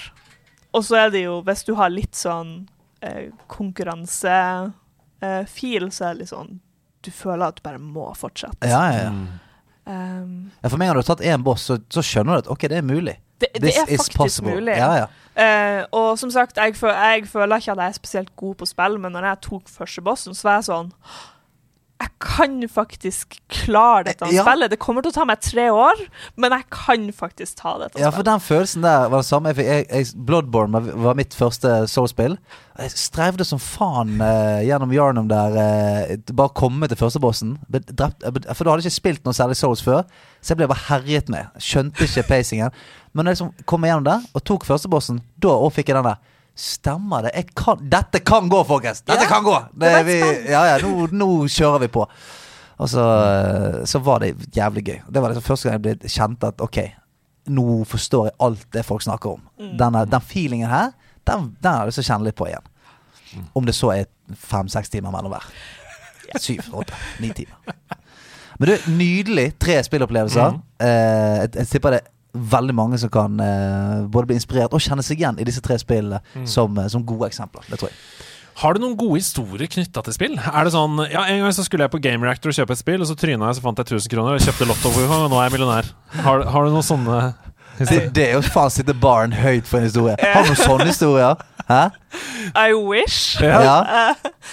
Um, jeg tror Det første som falt meg inn da jeg så liksom når, jeg, når jeg hører dette, er Når jeg var lita og vi hadde fått Nintendo 64, Mhm. og vi fikk Mario Kart, Mm. så spilte vi jo utrolig mye Mario Kart. Eh, Hele familien min spilte mye Mario Kart. Um, og plutselig så ble foreldrene mine kanskje litt vel gode i det, Oi, med tanke ja. på hvor mye vi spilte, og hvor Mm. lite de spilte. Oi. Og da fant vi ut at de ble så lei at vi slo de, at de satt oppe etter vi var lagt oss, og øvde. Ja. Og min kjære mor satt på én bane spesifikt, den eh, eh, eh, beachbanen. oh, ja. ja. Som har så mye sånn secret entrances og sånt. Mhm. Og hun fant alle de. På ekte fant de, liksom. Ja, ja. Skikkelig. Og så bare eh, satt vi og spilte, og hun var sånn Herregud, hvorfor er du så langt bak? Og jeg var sånn, fordi at jeg, jeg finner ikke alle de sånn secret entryways. For jeg har si to det. timer Ja. jeg kan sitte og spille, mens du sitter oppe hele kvelden. ja. Så hun hoppa gjennom fossen og oh, ja, ja, ja. For hun var voksen. Like a pro. Missa Ja. aldri. Det er mulig, Eh, da må du, ha, du må ha sopp for å komme inn i fossen. Hadde skaffa seg sopp, da. Ja, ja. Visste hun det? Ja. Nei, det der er helt rått. og Jeg håper jo, For du er jo en sånn forelder allerede. Jeg håper Ja. det blir mer når barna dine blir spillinteressert. At Ja. du liksom skal Knuse de, ja? Ja, ja. er du gal. Jeg skal, det, det er mitt første lærdom til de, at sånn er livet. Så, Det, var, det var sånn jeg hadde det med lillebroren min. Ja. uh, det var som, Vi spilte veldig mye Super Smash, og jeg slo han hele tida. ja, ja. Fordi at han var mye mindre enn meg. Sånn er det, Ja, du var flinkere. Uh, eh, og så nå, for bare noen år tilbake, så var jeg litt sånn cocky og var sånn Har lyst til å komme og spille Super Smash. Uh, det jeg ikke visste, var at han har regi relig religiøst sittet og spilla Super Smash alle Oi. disse årene. For å slå deg. Selvfølgelig! For å Ja. slå meg, ikke sant? Og det er det vi Altså, man gjør eh, folk en bjørnetjeneste ved å Ja. liksom kødde det til. La de vinne. Ja, du må knuse de så jævlig Ja. at det er starten på en sånn Resten av livet mitt skal gå ut på at jeg skal bli så flink i dette her at jeg skal gruse min far i dette spillet. For ellers så får ikke du de historiene. Ja, ellers så får ikke du de historiene. Nei, og du får heller ikke den uh, Hva skal jeg si Du får ikke den arbeidsmoralen da, som må til. Nei, nei, hvis det er bare sånn Jeg testet det første gang jeg slo pappa, han spiller det hver kveld. Hæ, livet er lett. Nei, nei. Livet er tøft som faen. Det kommer matte på meg. Jeg leser dagen før. Livet er lett. Boom! Terningkast to på den Ja, ja. mattedrømmen. Terningkast ternekast karakter. heter det. Terningkast. Det er sånn er min, min familie. Vi kaller alt terningkast. Show. Showbiz. Nei, men Så gøy. Um, du har jo vært inne på det, for jeg regner med at du spiller det nå om dagen. Elden Ring, altså. Men er det noe annet du spiller nå om dagen? Og da kan du tenke i 2022, da, hvis det er liksom noen spill du har lyst til å velge ut. det. Eh, jeg sitter og spiller Dying Light 2 Ja, med samboeren min. Ja. Eh, vi spilte Dying Light 1 i lag, så vi har gleda oss til Dying Light 2. Mye større spill. Mye større spill, er det ikke det, enn det første? Ja. Det er det. Mye større og veldig mye mer sånn alt du gjør, har konsekvenser, Mm, typ. Mm. Um, og det, hele den parkour-delen er Den Kjempeartig. ser så bra ut. Det er så Den ser morsomt. så bra ut. Eh, Storymessig så vil jeg si at første spillet er bedre. Uh, det virker litt forced og av og til litt tomt. Mm. Fol, eh, fol, eller MPC-ene i spillet har litt sånn rare meninger med tanke på at det er end of the world, Ja. zombie apocalypse, og de er sånn skal jeg bruke den siste såpa til å lage life-giving food, eller vaske håret mitt? Ja. Eh, Og det er litt sånn, Kan jeg få chip in? Fuck your hair. Ja. Ja. uh, så, Hvem skal du se fin ut for? Den som spiser deg? ja. Hva er det du snakker om? Det er sant. Uh, så litt rar dialog til tider, men helt klart kjempeartig. Så de har, de har så mye ekstra ting og sånt. Eh, så det, det er ganske morsomt. Ja. For du hadde jo veldig lyst til å spille dette, Ja. eh, og så strakk jo ikke tiden til. Nei. Det kom midt oppi Horizon, og vi skulle anmelde Stemmer stemmer sånn. Mm. Men du spilte det første også? Ja, ja, ja. Ja. Jeg synes jo det Jeg, jeg er jo veldig glad i sånne zombie eh, førstepersons slasher, sånn Dead Island. Jeg spilte alle de der Dead Island-spillene. Spilte Light. Jeg liker jo det veldig godt, men eh, problemet var at eh, flere av mine venner, som jeg spiller mye med, har Altså, de hater zombier. Fordi at de de syns det oppriktig er skummelt. Oh, Ja, ja. Så eh, en, en god kompis av meg Han er sånn Vi, vi skulle prøve å teste dette nye uh, Back for Blood, da, så er den Left for Dead-avarten. og det var sånn eh, meg og en annen kompis lastet ned, begynte å spille, og så kom han på så Ja, vi, vi driver Det er på GamePass, hopp inn, Back for Blood. Og så imens last, lastet ned, så var han sånn Ja, hva spiller dette her, da? Jeg var sånn Nei, det skal skyte noen zombier. Nei, jeg skal faen ikke skyte noen zombier! Så han er såpass. Vi, skulle, vi spilte det World War Z, som også er et sånn der swarm uh, Ja, ja, ja, samme der. Spilte en halvtime, så bare vet du hva, dette blir for mye for meg. Altså Han blir stresset. Skikkelig stresset av å spille zombiespill. Så, uh, så det er litt dumt. Men jeg elsker dem. Så bring them on. Jeg, det, det er så, sånn Det blir aldri gammelt for meg. Aldri gammelt for meg å knuse opp hodet på noen eh, zombier med et uh, skiftenøkkel, hagle, Balltre med spiker. hva det måtte være. Ja. Krukke. Golfklubbe er det morsomste, for det lager den beste lyden. Er det sånn? Det blir mer som en sånn, en sånn heavy thunk. Ja. Amazing. Å, det er deilig. Dere er psycho, men du Ja, vet men Vi velger slagvåpen etter hvilken lyd det lager når hodet forlater eh, skuldrene på eh, zombien. Jeg lener meg tilbake og stoler på dere. Så hvis det blir zombie, så kommer du med golfklubbe. ikke sant? Ja, jeg bruker av av og til chipperen eh, i golfsettet, for da får du den Da får du den skikkelige Det er kline, chipen chippen av skuldrene. Jeg, jeg hører det. Det er nydelig. Får du god God en der. Oi, oi, oi. Er det noe annet du spiller om dagen? Jeg skal bare si at Av og til så er du i, faktisk i bunkers og eh, I de spillene. Altså, herregud, få det til på scenen! Ta det til scenen! Så jeg pleier å chippe ut av bunkeren og inn på green. Holy one! Ai, ai, ai. Ja, ja, ja. Kom igjen, da. Ass holy one! Eh, Skålte meg sjøl. Tror Nå er det faktisk bare Elden Ring. Ja. Men Elden Ring tar såpass mye tid. Ja, det gjør jo det. det, Man kan ikke Ja. si bare Elden Ring. Det er sånn Det er Det er, sånn det, det er Jeg spiller bare et syv spill. Det er nesten det samme. Mm. Når folk sier at de har vært 50 timer inne der og faen ikke sett en, en fiende engang, som Rune Fjell, Ja. da er det er litt spill å spille der. Ja, ja. Det er det. Skjønner vi. Det er grunnen til at det ligger i waiting line for meg, for jeg vet jo hva som kommer til å skje. Hvis jeg begynner å spille, så klarer jeg ikke å slutte å spille. Nei, Så ikke. sånn er det. Du, da? Lost Ark. Oi! Du er lost in the ark, du. Jeg er dessverre det. Altså. Mm. Det er um, Jeg syns det er kjempekjekt. Mm. Og så hadde jeg eh, Jeg hadde en opplevelse der uh, tidligere i uken som, som jeg ble veldig glad for. For det er der òg, de som spiller det Det er jo et spill som har en relativt høy skill cap. Det er et, eh, stort MMO. Mm. uh, og folk bruker veldig mye tid på det. Og altså, de som er, er i høyt nivå Altså Jeg har jo spilt det ganske mye, så jeg, liksom på, jeg kan ta liksom det siste av innholdet nå, da. Og da kom jeg inn. Jeg hadde akkurat blitt sterk nok til å ta en av liksom, de bossene som har blitt sluppet ut nå. da Og den er relativt vanskelig. Og du er åtte stykker. Og folk må gjøre ting ganske riktig. For hvis plutselig et par dauer av, og sånn så har ikke du nok damage til å ta bossen. Mm. Så jeg kom inn der, og så tenkte jeg sånn Fuck it. Jeg bare sier at du, jeg har sett et par videoer, men har, jeg har ikke gjort det her, her før. Og så var det en annen fyr som sa sånn ah, jeg, jeg skylder det samme. Jeg har sett videoene, men jeg har ikke tatt den før. Og da var det en fyr som bare tok så jævlig eh, styring på, på en sånn kongemåte. Bare sånn OK, kom inn her. Still dere i den ringen her. Nå skal jeg vise dere. La oss se for dere dette bossen. Eh, og når han gjør noe sånn greier med beina, da må du gå opp der. Du, han, han bare tok sånn laglederrolle uten noe mikk-makk. Og alle rundt var bare sånn Holy shit! Dette pleier jo aldri å skje. Så det, var, det ble bare en sånn grisegod stemning. Vi dauet masse.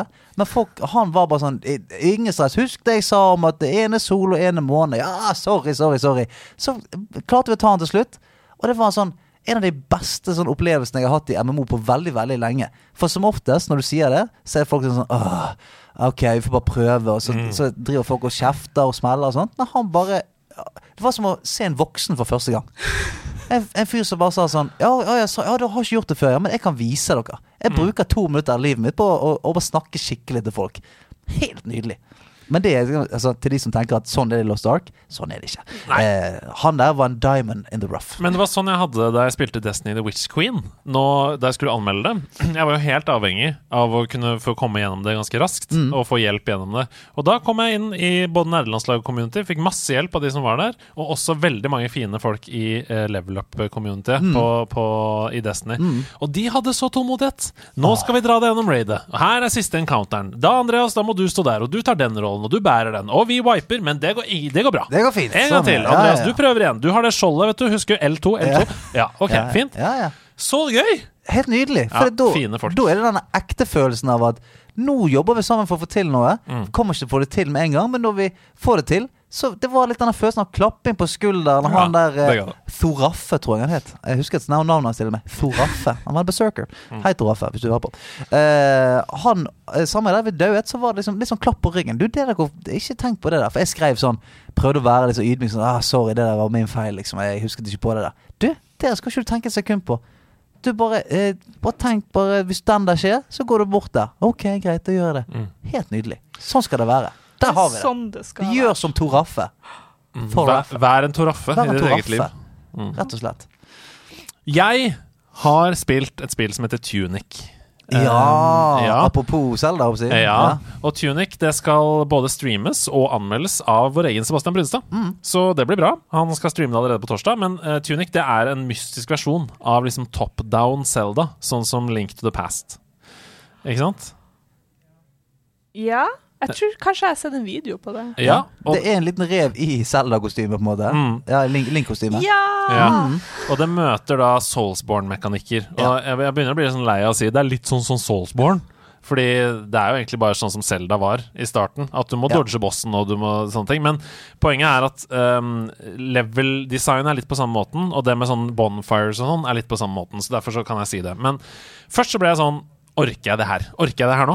Eh, da jeg begynte å spille det. Fordi du blir kasta ut i en ganske vanskelig verden, da sånn som du blir i Soulsborne-spill. Du får ikke noe hjelp. All teksten du ser, er på et merkelig språk, tegn og symboler, så du skjønner ingenting.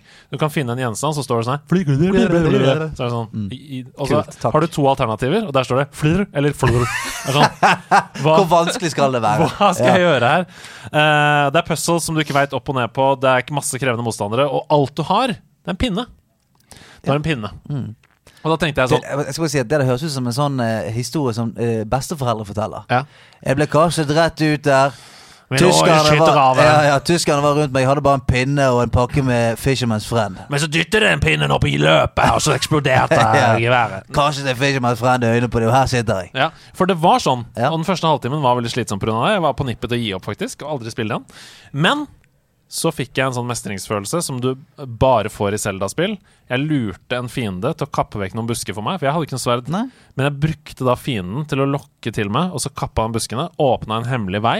Den kom til en hemmelig kiste. Og hva tror du var oppi den hemmelige kista? Sverd. Sverd. Det var sverd. Og da jeg hadde sverd, så kom jeg selvfølgelig ut herfra med guns blazing og bare slice, slice, slice, slice alle fiendene. Det var ikke noe stress, og det var så gøy! Så da ble jeg helt solgt. Ja. Eh, og nå elsker jeg det. Eh, det er selvfølgelig inkludert i GamePass. Ja. Mm. Men det, jeg hørte Jeg hører på en annen gamingpodkast, sorry, Ja. eh, som heter Giant Bombcast. Ja, nydelig. Eh, og der òg eh, klarte ikke helt å sitte fingeren på det, de som hadde spilt det. Det var sånn Det er så frustrerende, og det er så Men jeg klarer ikke å legge det fra meg. Det er noe Det er denne mystikken, tror jeg. Den der eh, eh, Det er ikke Det er ikke likt så mye annet, virker det som, da, når jeg Mm. hører det. At det er noe sånn eh, Ja, det er litt denne Soulsborne-greien, selvfølgelig. At det er vanskelig, og det er mestring og sånt. Men så er det òg litt denne eh, Som du sier der Oi, for, oi ja, busk Så ja, den lille mini metapøslingen som ikke er sånn det, det er ikke sånn at dette er et puzzle, men hele verden er litt sånn puslete. Mm, mm. Og det, det virker veldig kult. Men jeg tror at som du sier, at man må ha denne 'nå skal jeg inn i en vanskelig verden'-settingen. Ikke kom etter eh, jobb der du har liksom kranglet med to sjefer og eh, han som sitter ved siden av deg, og så nå skal jeg kule han litt Ja. med noe tunic. Virker ikke sånn. i hvert Nei, det er ikke det. Nei. Se heller på YouTube nå. Ja, Nei, så Det er en stor verden som er veldig avgrensa av at det er steder du ser, som du ser at du heller ikke kan komme til nå, Mm. men som du kommer til seinere, fordi da kan du hoppe, f.eks. Eller da har jeg sverd. Sånn, Ja, ja. ja, ja, Så det er veldig fint. Det åpner seg mer og mer. Gøy. ja. Bra du sa det, for så vidt, fordi at jeg så traileren til det for lenge siden og tenkte ja, Ja. det må jeg spille. Men Ja. jeg har glemt hva det heter. Tunic. Tunic. Ja, og det må du spille, altså. Fordi det høres ut som et veldig deg-spill. Um, Det er det jeg hørte. og det er så søtt og koselig også. Alt er fint. Og etter hvert som du skjønner mer, så blir det bare bedre. Uh, og så har jeg spilt masse Kirby and the Forgotten Land. Trenger ikke å snakke noe om, fordi det kommer en anmeldelse av senere i denne episoden.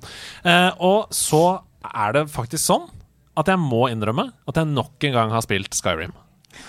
Eh, Vera Vårgrønn på nye Vera. Vårgrønn er nå 80 timer inn. Og Eh, 80 timer! Uh, og Skyrim er den absolutt beste medisinen mot spillfatigue. Og det var derfor jeg ville snakke om det her. eh, Fordi jeg har snakka uendelig mye om Skyrim. Men jeg lever meg så latterlig inn i det fortsatt. Og jeg skjønner ikke hvordan. Det tar fem minutter. Jeg har ikke spilt det siden jan tidlig januar. Fem minutter, så er jeg dypt inni den. Finner en lutt i en kiste som jeg begynner å bry meg heftig om. Okay. For da kommer det sånn her Gling. Deliver Finns loot. Bare What?! Hva Er dette en Quest?! At jeg bare fant en lutt i en kiste! Jeg liker forresten å bruke lutt og slå av hodet til zombier òg. For det å lage en Glang, ja. Klang. Glang! Så må jeg stemme mellom hver gang jeg slår, sånn, for den kommer ut av tun. Uansett, ja. Ja, nei, og jeg vet, ikke, jeg vet ikke hva det er med det, men Jostein i Radcrew han sa det også. Vi snakka om det da vi streama Wonderland. Så sa han og jeg vet ikke om jeg er helt enig med han i det, men eh, han mener at det ikke har kommet noen mer engasjerende rollespillverdener siden Skyrim i 2011. Ja, den er frisk. Den er frisk. Det er frisk å melde, Ja. men jeg ser poenget hans. Fordi når jeg spiller det, så bryr jeg meg om alle menneskene. Jeg bryr meg om alle brevene som ligger rundt. Jeg bryr meg om historiene, de små hintene, sånn som lutten i kista, som plutselig er sånn Å ja, det er Finn sin, ja. Mm. Ja, da får jeg dra til The Bard College, da, i den Ja. byen. Jeg har alltid tenkt at det var et ordspill, jeg. At det var lutt i kisten. Lut i kistene. Ja. Mm. Ja, Men, det, det, for det er en liten sånn, kan være en liten joke da. Lagt inn av Bethesda-gjengen der. definitivt. Så det er sånn Get your loot. kjempebra. Loot er loot. Loot Nydelig. that loot, Loot baby. that loot! Uh, så det som skjedde konkret eh, da, det var jo at jeg fant den looten, men også at jeg ramla over en bitte liten landsby på kartet som jeg aldri har sett før, som jo bare er markert som et lite hus, ikke sant? Og de husene gidder du ikke å gå bort til, for det er bare et hus, og så kan vi være en rønne som står der. Men der, vet du, der er det et inn, der er det en gruve, uh, og plutselig så har den lille sonen da sin helt egen historie om hva som skjer i den innen, og hvorfor gruven er skjøtta ned. Og jeg bare I'm in, boys! Ja, Eh, count me in. Ja. Vera skal ned her. Vera skal i gruva og rydde drauger. Ja. Nei, så Det er umulig å ikke kose seg med, rett og slett. Jeg vet ikke Jeg vet ikke om jeg noen gang kommer til å slutte å like det spillet. Nei, det er kanskje spill, spillenes uh, sånn ingefær. Det Ja. er en slags palettklenser mellom sushibitene. Mm. Kan godt være. Det kan godt være. La det være med det. Hei, kjære spiller på nerdelandslaget. Hei, hei! Det er jo en glede for oss å fortelle dere at vi har inngått et samarbeid med selveste Visa. Hæ? Hæ? Visa har jo på en måte alltid vært der. Det er jo noe vi forholder oss til og bruker hver eneste dag. Ja, altså Det har jo fulgt oss hele livet, og jeg husker veldig godt hvor stas det var da jeg fikk mitt aller første visakort. Det var både stort og viktig. Foreldrene våre de var opptatt av å lære oss til å være forsiktige, behandle det på en ordentlig måte. Det var en trygghet på en måte å betale med Visa. Men det er veldig mye som har forandret seg siden den gangen, spesielt siden netthandel har fått en enorm oppblomstring, med mange flere ulike måter å betale på. Og det som er interessant, det er jo at statistikk viser oss at Gen Z de har tre ganger så stor sannsynlighet til å bli utsatt for økonomisk svindel online enn oss som er boomers. Hæ? Er ikke det overraskende? Altså, Det er jo det som gjør at det er veldig viktig at vi kommer tilbake til den der safe shopping mode-følelsen som Visa gir.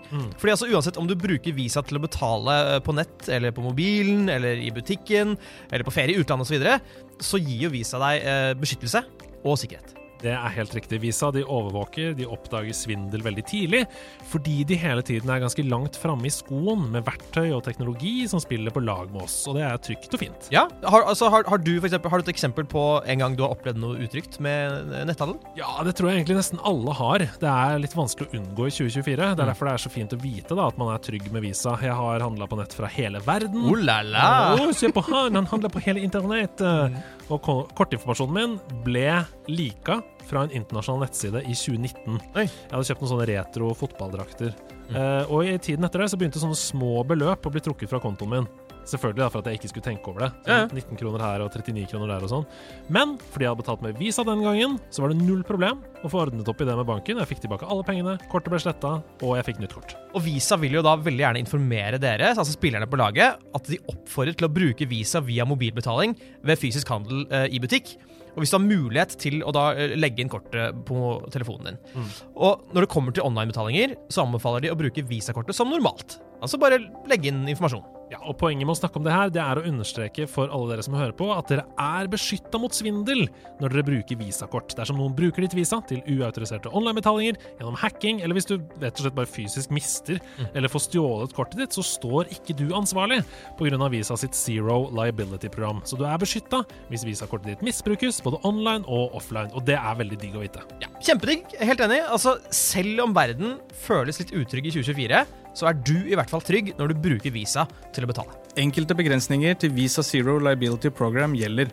Les mer på visa.no, eller kontakt din bank for å lære mer om hvilke vilkår som gjelder for din avtale.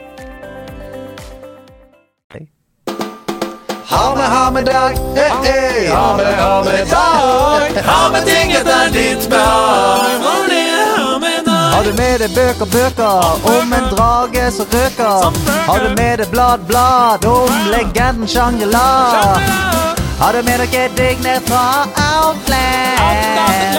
Jeg vil se et frelevende luttband. For Mia Karlsen har dratt helt opp fra grensen, hun. Hun la igjen Outland hjemme, men har en skikkelig fin hund. Hva har du tatt med deg i sekken din? Er det en brev, eller er det en bok? Eller er det et kart fra en munk?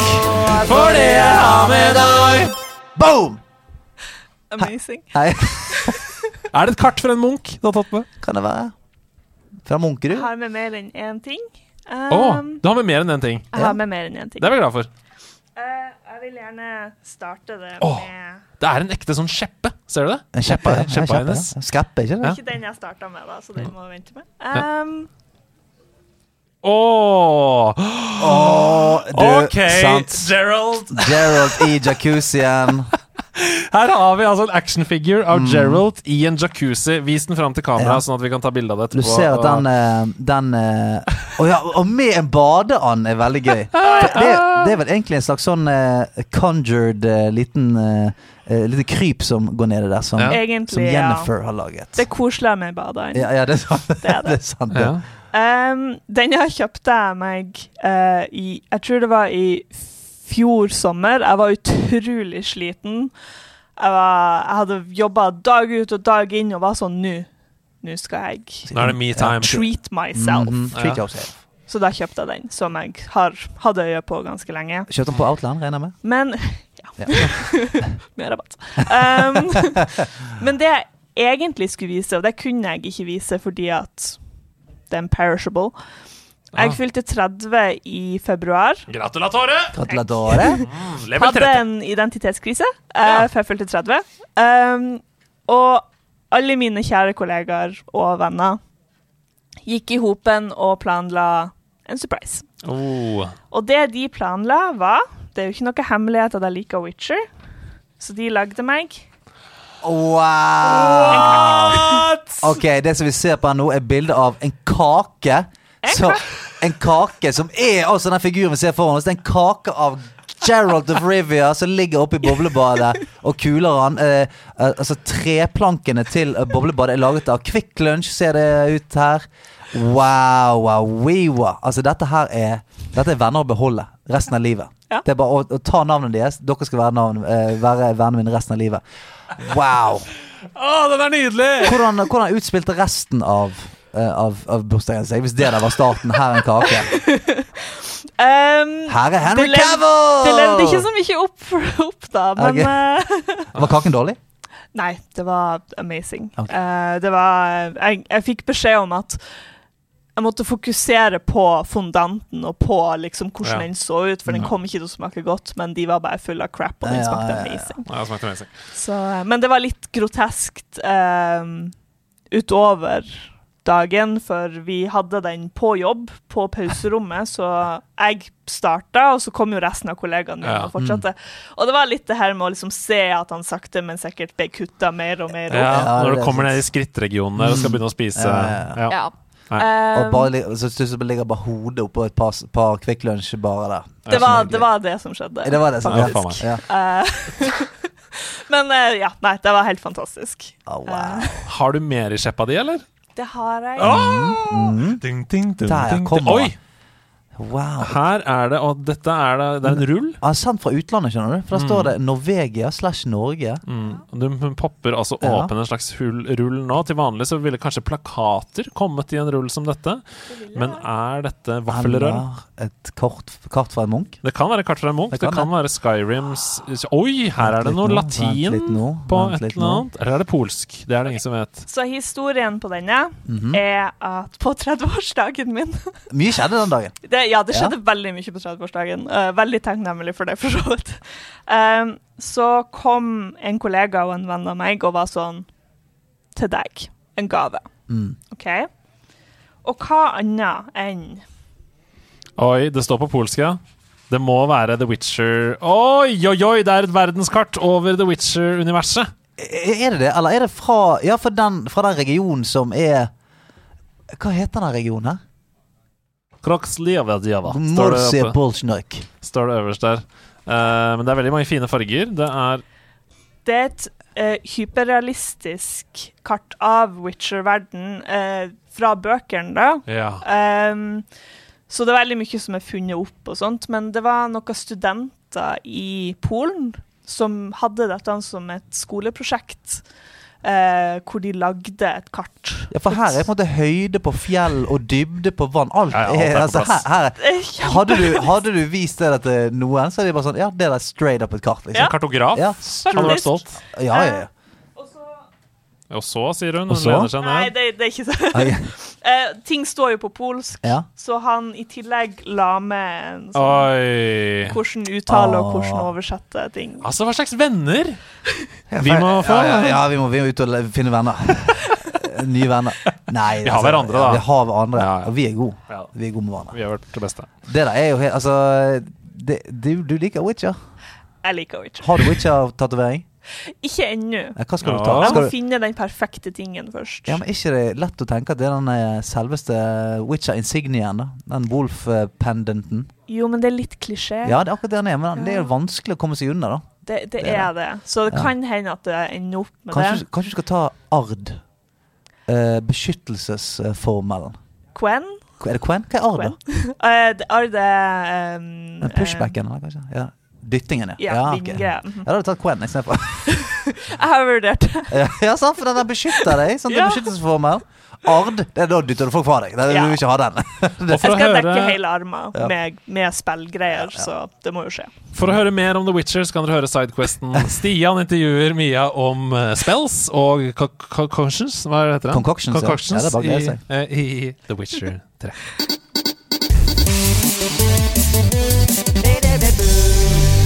Anything from the trolley!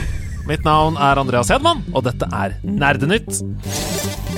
Bare timer før vi gikk i studio for denne episoden, annonserte Nintendo at de har fått kjøpe ti mål med land ved siden av sitt eget hovedkvarter, direkte fra byen Kyoto, for den nette sum av fem milliarder igjen.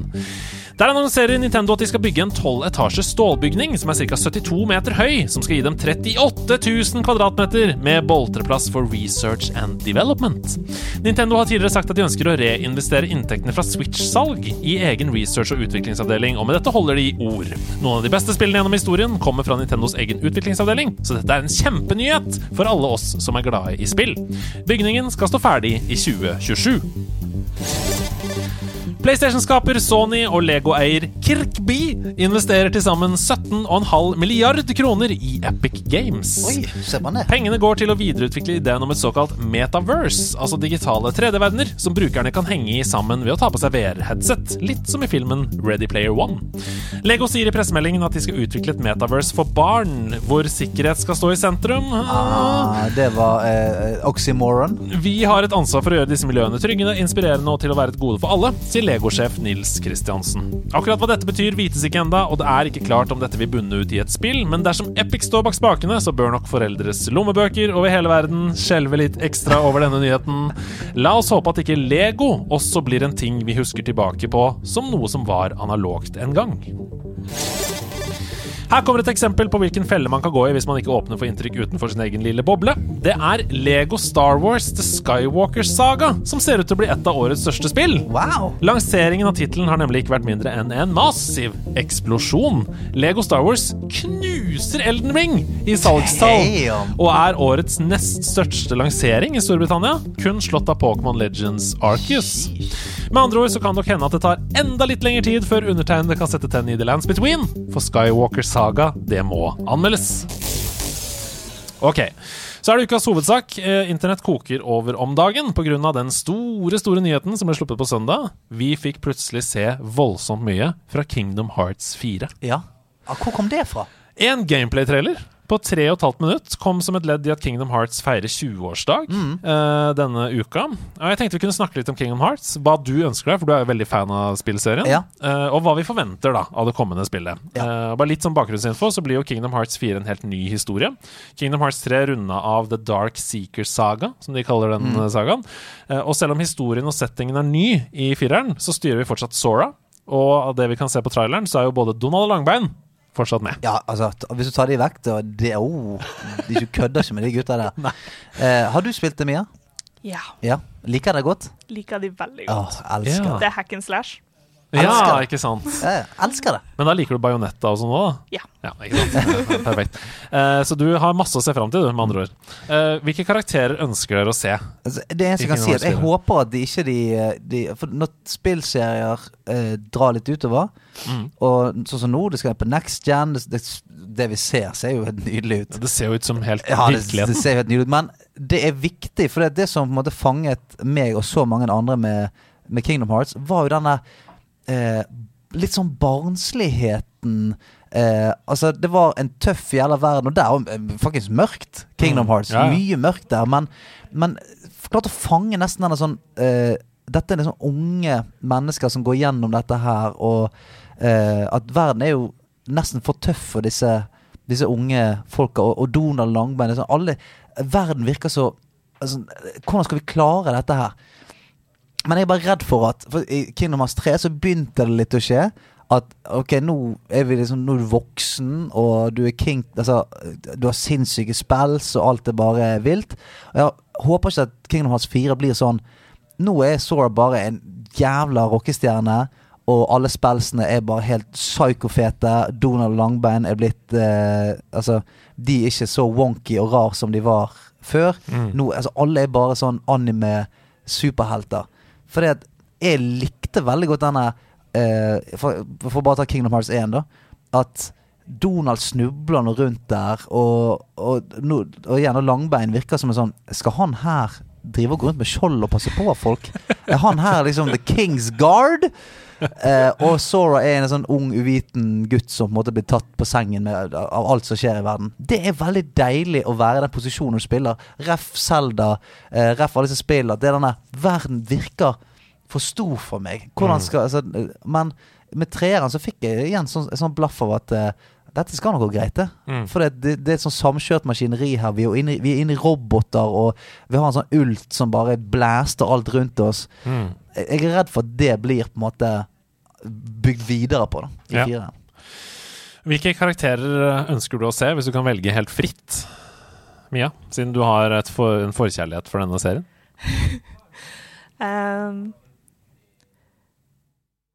jeg tror egentlig jeg tenker mer på hvem jeg ikke har lyst til å se. Ja. Mm. For det um, Jeg så en TikTok hvor det var en som sa at han, han likte ikke hvordan traileren så ut, for han syntes at det så så clean ut. Mm. Mm. At, det så, at det så mer Final Fantasy-aktig Ja. ut enn Kingdom Hearts. Mm. Mm. Og han var redd for at vi kom til å se live action-versjoner av, Ja. Ja. av nu, liksom nutidens Mm, Disney-karakterer. Så en Ja. live action Simba, en live action Oi. Genie fra Aladdin. Ja, Will. Smith. Oh no. Ja. Nei, det, det bryter jo med 100% det du sier. Ja. da, Den Nei, følelsen. jeg vil ikke ha det. Og det, og det er gjerne sånn det, Ref Final Fantasy, da. Final Fantasy 15 er jo et av mine som minst favoritter. Det var et dritfett spill, og sånt, men det, det er så clean, da. Mm. Og du er liksom en gjeng med fire dritfete boys, og alle er i støtet. Roadtrip. Ja, og det er sånn Og alt er superclean og sånn, mens de andre virker litt mer sånn Det, det er noen, en slags barnslighet der. Mm. Karakterene er mer wacky. Eh, du har liksom en hund på laget som spruter flammer. Det er det er det vi, ref, som vi snakket om, det med fantasy. Hvorfor søker vi fantasy? For det skal være sånn fantastisk og noe helt annet. Og eh, skal ikke være i nærheten av virkeligheten, syns jeg, da i hvert fall. Kingdom Hearts har jo alltid vært god på å hoppe ut og inn av universer. Vi har vært i Jungelboken, vi har vært i Skjønt Norder og sånn. Hvilke universer vil dere til? Hvis dere kan velge fritt? Witcher, regner jeg med. Du kan dra til Ja, altså det, det spørs hvem de har signet deal med her nå. Hvis, Ja. det, hvis det fortsatt måte, er Disney-universet som de har Ja. eh, sammen med, så eh, håper vi får se noen av de, de nyere eh, Frost og sånn. Encanto, ja. Frost Mm. eh, eh, Jeg vet ikke hva hva han heter på, um, på, på engelsk, men den der eh, Ron. Det er en sånn robot eh, ja, ja, Har du sett den? Ja. Jævlig mye bra eh, som har kommet i det siste. Rød, Red, som er en ny en, som er drittbra. Mm. Så det, hvis de har lyst Hundene. Den store hunden Red. eh, Pandaen, takk. Pandaen, Rød okay. panda. Turning Red. Turning Red heter den, ja. Eh, Inside Out. det? Det er sinnssykt mye fete IP-er som har kommet de siste årene, så hvis de får på en måte tilgang til de, kan de lage dritfete opplegg. Mm. Jeg hadde, ja. Jeg, altså eh, Turning Red var en helt OK film, men hvis jeg kan bli en gigantisk panda Ja, og ja, hoppe rundt Ja. Ja ja, come on. Come Ok, helt til slutt. Eh, basert på dette screenshotet som jeg viser deg til nå, Stian, så kan du se øverst i venstre hjørne der. Øverst i Eh, eh, øverst i hjørnet hvor jeg peker der nå. Ja. Der. Eh, basert på dette ene lille screenshotet i traileren, viser det også nå til eh, Mia. Du ser den lille tingen oppi Det hjørnet ser ut som en walker. En sånn uh, Star Wars-walker. Ja. Så uh, ryktes det nå om at vi skal til Star Wars-universet i det neste Kingdom Hearts, og at dette er en ATST sin fot. Ja, ja, ja. Eh, er det sjukt? Ja. Det er jo dritfett. For Disney har jo kjøpt Star Wars. Ja, stemmer det. Altså, Disney har jo kjøpt alt. Vi, kan, vi skal til Marvel en tur. Pixar. Men altså, selvfølgelig få et, få et keyblade som er en lightsaber. Og når du ser. ATST og skog, da tenker du umiddelbart Mandalorian. Ja, eh, men ikke bare Mandalorian. Jeg tenker jo um, Return of the Jedi. Ja. Den skog... eh, hvis det er riktig film, hvor det er, kommer ned til de wookiene og sånn. Men du tror ikke at, at eh, Du tror ikke at Disney er så, såpass sneaky etter sånn Ja, dere kan få låne Star Wars-IP-en, men vi kjører hardt på Mandalorian, Boba Fett-shitten vår framover. Ja. Den kan dere få bruke, for det, det drypper litt på oss også. Jeg vet ikke. Jeg Hva tenker tenker du? Ja? Jeg tipper vi skal spille med Mando. Jeg. Altså en liten baby Grogu. Ja. Åh, come Ja. on, da. ok, alle skjønner at vi er hypa for dette. Vi går videre! Anmeldelse i nerdelandslaget. Yeah, boys and girls! Endelig har vi kommet til det punktet i uh, min spillkarriere der vi har fått anmeldt Kirby-spill! Endelig? Endelig. Endelig. Kirby i tre dimensjoner. Ja, oi. Mm. Ja. La oss høre hva jeg syns om det. Noe av det vanskeligste som fins når det kommer til spilldesign, det er å lage spill som både er enkle og intuitive, og morsomme å spille. Når spillselskaper skal lage spill som skal treffe bredt og være tilgjengelig for alle, så har vi utallige ganger gjennom spillhistorien blitt servert spill som ender opp med å ikke treffe noen. Heldigvis så finnes det et selskap som har perfeksjonert denne kunsten, og som så å si aldri bommer. Nintendo.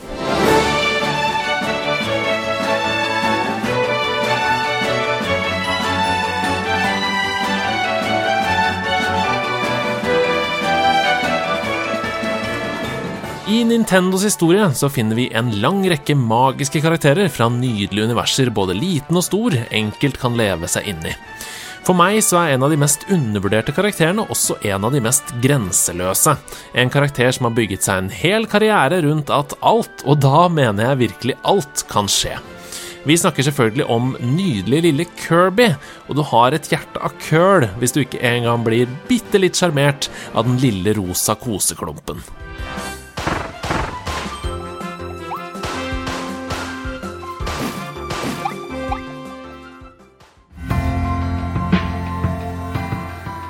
I Kirby and The Forgotten Land så er det første gang vi får lov til å bli med Kirby ut i et tredimensjonalt plattformeventyr, og spillet er tydelig inspirert av Super Mario 3D World i oppbygningen av plattformingen og brettene.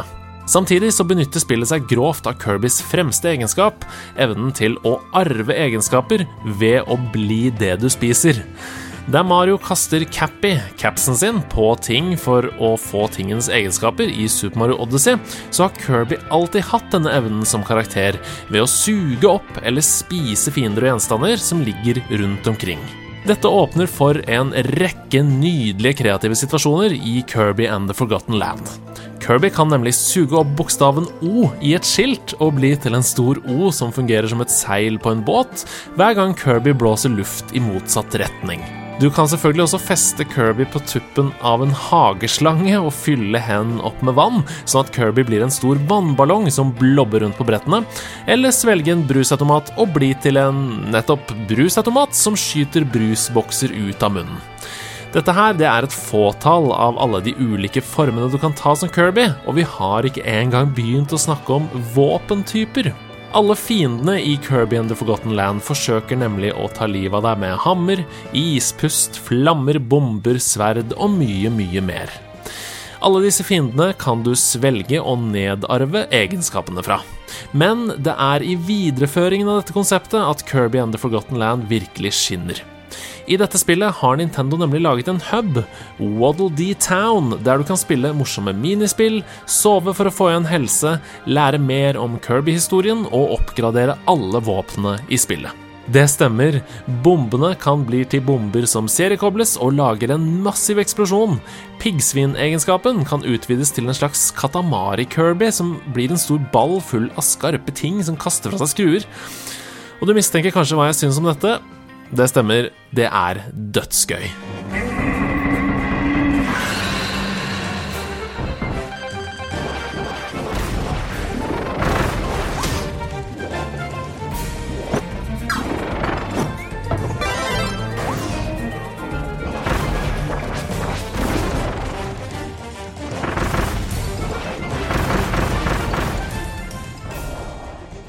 Det store verdenskartet det er bygget opp som klassiske Kirby og Mario-spill. Du spiller deg gjennom ulike baner i kreative, varierte verdener som åpner tilgang til nye baner. Inne i disse banene så jakter du på Waddle Dees, som sitter fanget i bur, litt som looms i Rayman. Jo flere av disse burene du finner, jo fortere kommer du deg fram i spillet. Hver bane byr på hemmelige utfordringer som oppfordrer til gjenspillbarhet dersom du ikke fant alle på første gjennomspilling. Det du også får tilgang til i disse verdenene, det er en rekke morsomme, korte og vanskelige utfordringer som benytter seg av hele Kirbys våpenarsenal. Det kan være å skyte på blinker på tid mens du løper og hopper rundt, eller pøsle deg gjennom en bane ved hjelp av å flytte på store trapper som du har blitt til som Trappe-Kirby. Disse utfordringene gir deg belønninger og progresjon, og er morsomme å spille om igjen til du mestrer dem og klarer ekstrabelønningen som følger med i å klare dem under en viss tid. Hver av de ulike verdenene har i tradisjonell stil en boss, og disse er svake mot spesifikke Kirby-egenskaper. Selv om disse bosskampene ikke er av de vanskeligste, så varer de fortsatt en stund og er bygget opp i klassisk Megaman-stil. Forstå bossens angrepsmønster, bruk egenskapen som bossen er svak mot, og veksle smart mellom å få inn angrep og dodge bossens angrep. Det er gøy og gir mestring. Jeg har ikke lyst til å si så mye mer om hva slags verdener, fiender og skapninger du møter i Kirby and the Forgotten Land. Spillet er nemlig på sitt beste når du kan oppleve disse tingene sammen med et yngre eller eldre familiemedlem, en venn eller en partner for første gang. Jeg streama et par timer av spillet på Twitch, og jeg både lo og sa ååå sammen med chatten flerfoldige ganger av alle de ultrasøte, morsomme og kreative situasjonene som vi havna oppi.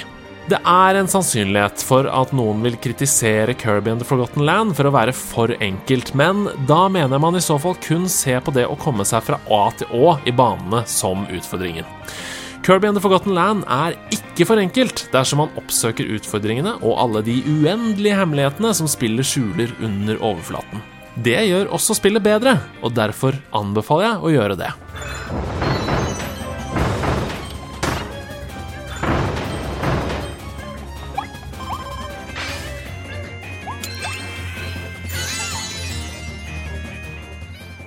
Kirby and the Forgotten Land det er et blankpolert, herlig plattformspill fra Nintendo som gjerne kunne ha vært dobbelt så langt som det er, for jeg kjeda meg ikke et sekund i løpet av de 12-15 timene som jeg brukte på å komme gjennom.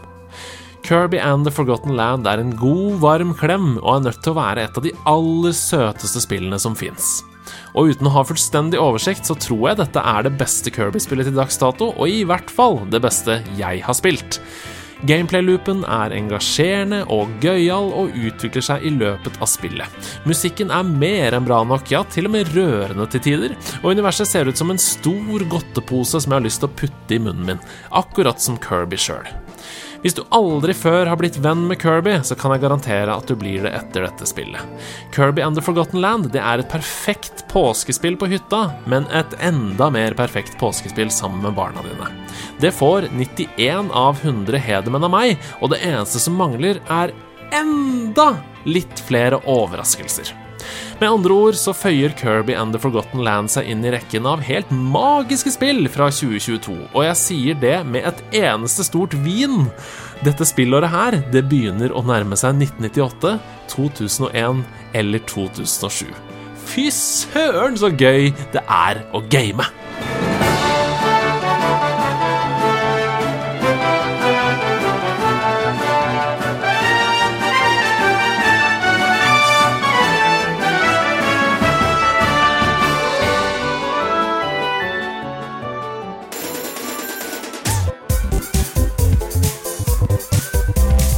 Karakterkortet. Ja, hvem, hvem er det som har karakter i dag, da? Nei, det er jo deg, da. Nei, faen. Har du hørt på Karakterkortet før, Mia? Karakterkortet er en spalte der hvor en av oss i studio må um, etterligne en spillkarakter. Så har man ett minutt på å bli intervjua som den spillkarakteren, og så skal vi to da til sammen gi en karakter på Stians karakterkort etterpå. Så det betyr at han kan få firer i Link, han kan få femmer i Sonic, han kan få treer i uh, Gerald, for eksempel. Og hvilken karakter er det du har valgt ut i dag, Stian, å bli intervjua som? Uh, bli, bli drept ut på? Ja. Nei. Jeg, eh, jeg klarte faktisk ikke helt å velge, så jeg har to stykker Ok? eh, som står mellom. Ikke flink i noen av de, eh, så jeg, jeg går Siden vi har nå snakket litt om, om det universet her, Ja. Så har jeg, eh, eh, med tanke på eh, Lego Star Wars, gått for Yoda. Oi! Men den, den, er, van, den er vanskelig, eh, fordi at han er så eh, Wow. Ja. Lista er lagt. Det er et par Star Wars-fans som hører på denne podkasten. jeg tror vi bare begynner intervjuet, så får du chippe inn noen spørsmål hvis du har underveis. Eh, så da bare teller jeg ned her, og så begynner jeg å stille spørsmål. Hei, Oda! Velkommen til studio. Welcome I am. Hvordan, hvordan, hvordan kom du deg hit i dag? I um, use the force Oh. to fill up my electrical vehicle. Det har jo vært en del, Peugeot, det har jo vært en del, French. det har vært en del kritikk i media av denne forcen som du snakker om. Folk sier det er fake news. Hva vil du si til dem? Mm, fake news, it's not. Mm, real news, it really is. Um, that's all I'm uh, allowed to say. That's all I am. Ok, Hva er, største, hva er den største utfordringen med The Force, da? Yoda? uh, talking like this, the big uh, challenges. Har du noen spørsmål til Yoda? Mia? Nå har du muligheten, things. Nå har du muligheten til å stille. Yoda spørsmål. Er det en sideeffekt av The make Force sense. at du snakker sånn? Ja, Er det en sideeffekt av The Force at du snakker på denne måten? Side effect it is. Fell into the bucket of force as a child I did. Der har du Mm. Og der Tasty. er vi selvfølgelig inne i Obelix også. Ja. Du falt i Force-bøtta som liten. ja. Ok, eh, da kan eksaminanten gå ut på gangen, og så kan vi diskutere oss imellom. Da er det jo to ting vi må tenke på her. Nå er du ferdig. Eh, tale, altså uttale, liksom, og innhold. Det er de to tingene vi må tenke på. Hva syns du først om selve liksom, karakteren her? Parodien. Utrolig bra. Ja. Sånn, det, det som tatt rett ut av en film, liksom. Rett ja, så deilig å høre. Du, du ble liksom dratt tilbake til Tatooine med Ja, virkelig. Ok, ja, nei, jeg er også enig. Veldig, altså Toneleie er bra. Uh, helt sykt vanskelig å snakke sånn grammatisk, som Yoda gjør, Ja. men uh, bra gjennomført. Uh, innhold, da? Han svarte på noe greier om noe Force og elbil og noe greier. Jeg lærte veldig mye det er om Yoda, følte jeg. Ja. Så ja, topp tier for meg. Ja, altså jeg syns det, det er så vanskelig å dømme i karakterkortet, for jeg er så ræva på det sjøl. dette er jo langt bedre enn noe jeg noen gang ville klart. Um, hmm. Men jeg får prøve å gå inn i en slags Star Wars-fan her, da. Har du bestemt deg for en karakter i hodet ditt fra én til seks? Du kan ha minuser, du kan ha pluss, du kan ha eh, eksempel fem til seks, tre til fire, eksempel. Du kan ha alle forskjellige karakterer. Altså, jeg tror kanskje terningkast fem. Oi, oi, oi. Jeg er også på en femmer. Jeg er også på en femmer. Det er en femmer-performance. Ja. Det er ikke mange som tar det bedre enn Ah, det. faen, det, var deilig. Det var deilig. Jeg, var, jeg, kjente, jeg kjente at den var uh, uh, nervøs jeg var. Ja. Åssen er Yoda fornøyd med femmeren? Tasty. Well, actually, surely what you're saying is a balderdash of ox's feces, sausage tissue, urine talk. But on the contrary, no, no, no, no. I beg to differ! De nerde strides. Ok, i Sausage tissue! Sausage! I De nerde strides så har du forberedt en kontroversiell mening, du, Mia, som du har tatt med inn i studio her, og nå skal det flammes! For nå skal vi høre hva du mener Hva du mener. Ja. Uh, jeg vet ikke om den er veldig kontroversiell, Nei? men jeg syntes ikke at Cyberpunk 2077 var så ille på lanseringsdato som alle skal ha det til. OK. Oh, den er kontroversiell for meg, i hvert fall. Uh, hva spilte du det på? PC. Du spilte på PC? Ja, for det gjorde jeg også, skjønner du. Ja. Og det Det var ikke så hakkende gale. Nei, for her sitter PlayStation 5-gutten Ja, ja. og har The Pain in His Body. Ja, det er det, sant. For der, der Det er vanskelig for meg å ta stilling til dette her, for jeg, jeg var eh, Jeg var veldig heldig. For da jeg spilte det på PC, så var det sånn alle bugsene som kom, eh, var til min fordel veldig ofte. Ja. Var den Eh, Ja, altså det er relativt I starten der så har du Du, du skal i en skyskraper, så eh, Your cover is blown, du må skyte deg ut derfra og sånn. Og da er det helt på slutten her, så kommer det en sånn jævel, svær jævel. Og han satte seg fast i heisen fra Altså, heisen kommer ned, skoink, og så kommer gang, gang, gang, gang. Og så satte han seg fast i døren til heisen, så jeg kunne bare stå og bare Ja, sk- bare pl plotta ned. Og det tenkte jeg sånn Det var jævla deilig. For det, eh, jeg var litt sliten nå. Og Ja. det var digg at han bare sto der. Og så uh, er det en scene fra Du sitter i en bil, og så eh, skal en fyr som skal gi Jeg tror det er Da har du sånn en kompanjong, en sånn svær Han bodyguard-typen. Uh -huh. uh, han skal gi deg en gunner eller et eller annet. Og da uh, var det noe som skjedde, så plutselig så sto gunneren sånn ut fra panen hans. Og det er jo kjempekjekt. Altså, det var jo bare for meg, Jeg klarte ikke å ikke å tenke sånn Dette her er litt gøy. Men dette er din mening. Ja. Hva hvorfor mente du at det funka så bra? Altså Alle anmelderne fikk jo anmelde spillet på PC før det kom, og vi ser jo konsekvensene av anmeldelsene. Det var 100 av 100 over en flat linje. Så hadde du noen problemer i det hele tatt? Nei. Ikke sant? det, eller jeg spilte på en ikke så veldig optimalisert PC, Mm. så eh, det legga en del for min del. Eh, men det var på en måte det eneste jeg hadde. Mm. Alle de her eh, massive bugsene, og at folk sa at det var uspillelig det, liksom, det var ikke mulig å spille det. Mm. Nei. Nei, for det var ikke mulig å spille det på PlayStation 4 uh, og på Xbox eh, One. Uh, det var ikke mulig å spille det på Nei, de for, for det har jeg sett. Jeg har sett opptak av det. Og For det, når folk sa sånn Ja, det er ganske buggy, så sa jeg ja, jeg er helt enig. Jeg har folk som sitter seg fast i veggen og så sier det. Så så jeg det sånn YouTube sånn eh, på PS4. Så var det sånn Å, holy shit, Altså, så jævlig det ser ut. Det kjørte i 15 FPS Ja. på PlayStation 4. Ja, og, og, og grafikken ble sånn boxy og, nei, det var, Bilene falt på hodet ditt, du døde. Eh, Politiet spåna inn i fjeset ditt. Altså, det var, det var ikke mulig å spille, da. Nei. Eh, Jeg spilte på PlayStation 5, og det krasja hele tiden. Ja. Eh, Det krasja så mye at jeg hele tiden ble dratt ut av handlingen. Og jeg tror det også førte til at jeg syns ikke Altså, jeg syns spillet ble dårligere. Fordi jeg hele tiden satt og kjente på de, den frustrasjonen. Så ble jeg sånn Dette er dårlig karakterutvikling. Dette er dårlig manus. Dette er dårlig Jeg kan bare slice meg gjennom. Dette er dårlig balansert i våpnene. Dette er kjedelig. Na, nei, nei, na. Dårlig spill. Sånn Sånn fikk jeg fordi, fordi jeg hele tiden ble kasta ut av det. Og hadde dårlig opplevelse med kjøringa, dårlig opplevelse med politiet, dårlig opplevelse med AI. Alt. Ja, jeg så, jeg, jeg så Igjen, jeg skjønner ikke hva, hva dere klager for. Jeg syns det så helt greit ut. Men jeg skjønner det, at uh, på PC så var det, det Vi skulle alle spilt det på PC.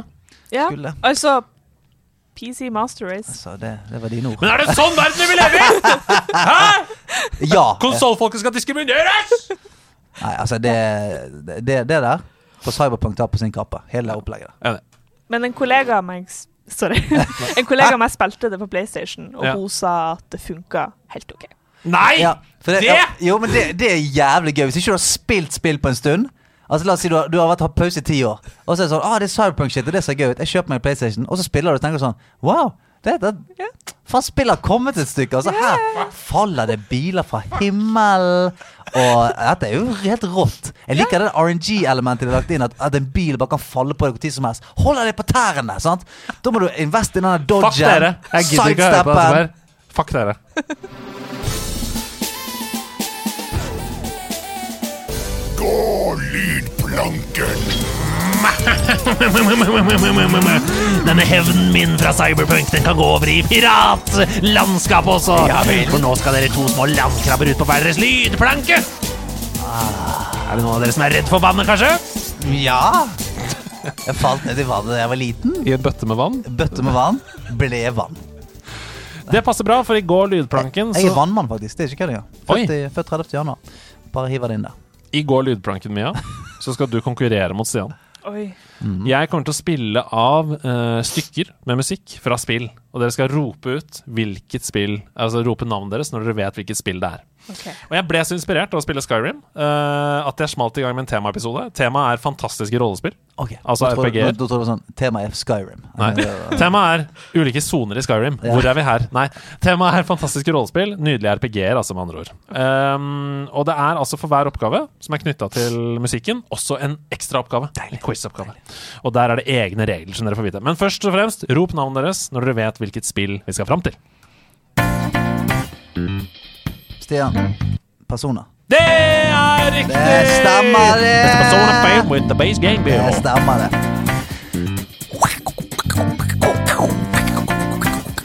Ja, der var du på hjemmebane. Mm. Eh, har du spilt Persona-spillene? Nei, da var du på bortebane. Det er sant. Men eh, Persona 5, ja. Mm. Når var det du spilte Var det ikke fire Golden du hadde veldig Nei. mange timer i? Jo, for, go- fire golden, men fem eh, Royal Edition også Oh. har jeg lagt ned. Ganske mange Ganske timer. mange timer. Da er nok du best kvalifisert til å svare på det oppfølgingsspørsmålet. Men her er det mulig å gjette.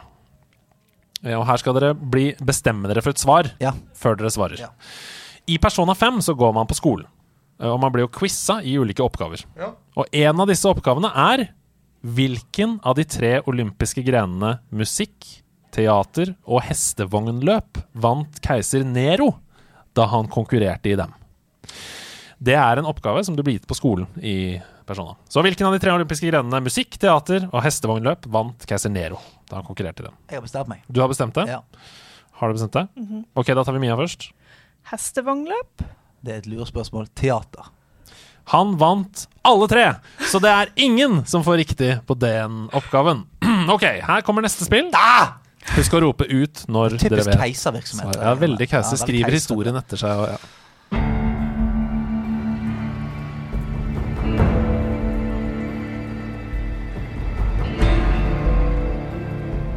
Stian, tipper Mass Effect. Nei da.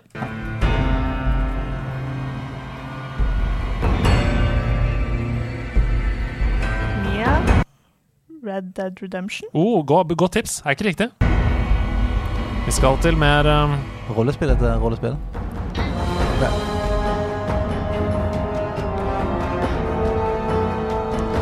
mer sånn postapokalyptiske tilstander. Ja. Uh, vi skal til uh, Fallout. Hvilket? Fallout 3. Nei. Mia? Hva du sa Eh, Fallout 1, sa jeg. Hva vil du svare? Jeg må, jeg må ha et svar. Ja, eh, eh, eh, tre? Nei da! Nei. Hva vil du svare? Yes. Eh, f eh, Fallout 5. Nei. Fallout 4. Nei. Fallout 2. Nå må Mia få Nei, Nei. Dette er Fallout New Vegas, og ingen av dere får, ingen av dere får, uh, får poeng her. I Fallout New Vegas Jeg likte at du finta også. Du svarte Fallout 3 og sa Fallout 1, sånn at du svarte Fallout 3. Veldig, veldig lurt. Jeg, jeg har ingen skrupler Nei, det er veldig bra. Ingenting. I Fallout New Vegas så møter du en ganske shady våpenselger nede på The Strip. Uh, og her skal dere også bestemme dere for et svar. Heter vedkommende som du møter, Shady Sam, Mr. Downlow, Mr. Holdout eller Miss Sterious? Altså Miss Sterious. Heter vedkommende Shady Sam, Mr. Downlow, Mr. Holdout eller Miss Sterious? Ja, her gnies det i øynene. Men jeg må ha et svar. Har dere bestemt dere? Mia har bestemt seg. Har du bestemt deg, Stian? Ja. Hva svarer du? Mr. Holdout? Mr. Holdout, og du svarer? Jeg går Mr. Downlow. Det er Mr. Holdout som er riktig! Gratulerer! Det betyr at det er 1-1 før den siste Satan. konkurransen. Og her kommer den siste uh, låta. Rop navnet deres.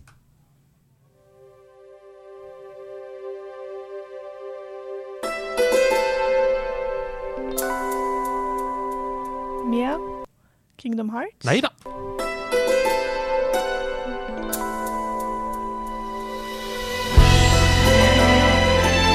Stian. Nino Kuni. Nei da.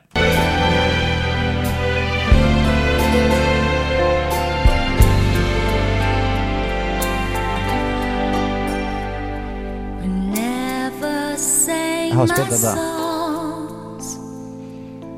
On the stage Det høres så on kjent ut. own. We never said my words. I spillserie er det ofte en sånn vokal låt. M- Alle de japanske. Ja. Alle de japanske Ja, da har, du, da har du i hvert fall kommet ned til det japanske rollespillet. Ja, ja. Mia? Bajonetta? Nei da. Stian. Uh, Final Fantasy 13? Nei, men Final Fantasy 14? Nei. Kødd. Nei. Final Fantasy X2? Nei. Syv? Nei. Nei? Hæ? Dette er Det er ingen som får poeng. Nei? Det er Final Fantasy 8. Ah. Det er Final Fantasy 8. Den litt glemte etter sjueren, for alle var Ja. så veldig oppe i sjueren der. Ok, i Final Fantasy 8, og her blir det altså den som kommer nærmest, som vinner hele Gå lydplanken denne uka. Bestem dere for et svar. I Final Fantasy 8 så har du mulighet til å spille et artig kortspill som heter Triple Triad. Det har du mulighet til å spille i Final Fantasy 8. Hvor mange kort er det i det spillet? Altså, hvor mange kort er det i Triple Triad? Uh, og dere skal da bestemme dere for et tall, og så er det den som kommer ja, kort nærmest du kan få tak i. Ja, ja. Ja. ja. Hvor mange kort er det i kortspillet Triple Triad? Hmm, totalt der, altså. Jeg har bestemt meg. Jeg bestemt meg. Du har bestemt det. Da blir det, det er spenning er til å ta og føle på her nå! Fordi nå blir det den som kommer nærmest, som vinner. Ja. Mia, hvilket tall er det som lyser i hodet ditt? 40? 40, Åh, sier wow, Mia. Det er så nærmt det jeg har lyst til å si. Jeg har gått for den tradisjonelle kortstokken her. 52. 52. Det er ti nivåer i uh, Triple Triad. Og det er 11 kort på hvert nivå. Det er 110 kort. Og du er nærmest, Stian! Og du er vinner ah, er av så- Gå lydplanken! Og det betyr at Du må gå lydplanken. Gå lydplanken! ut! Hopp ut i vannet! Få høre deg hoppe ut i vannet vannet. Plask. Plask.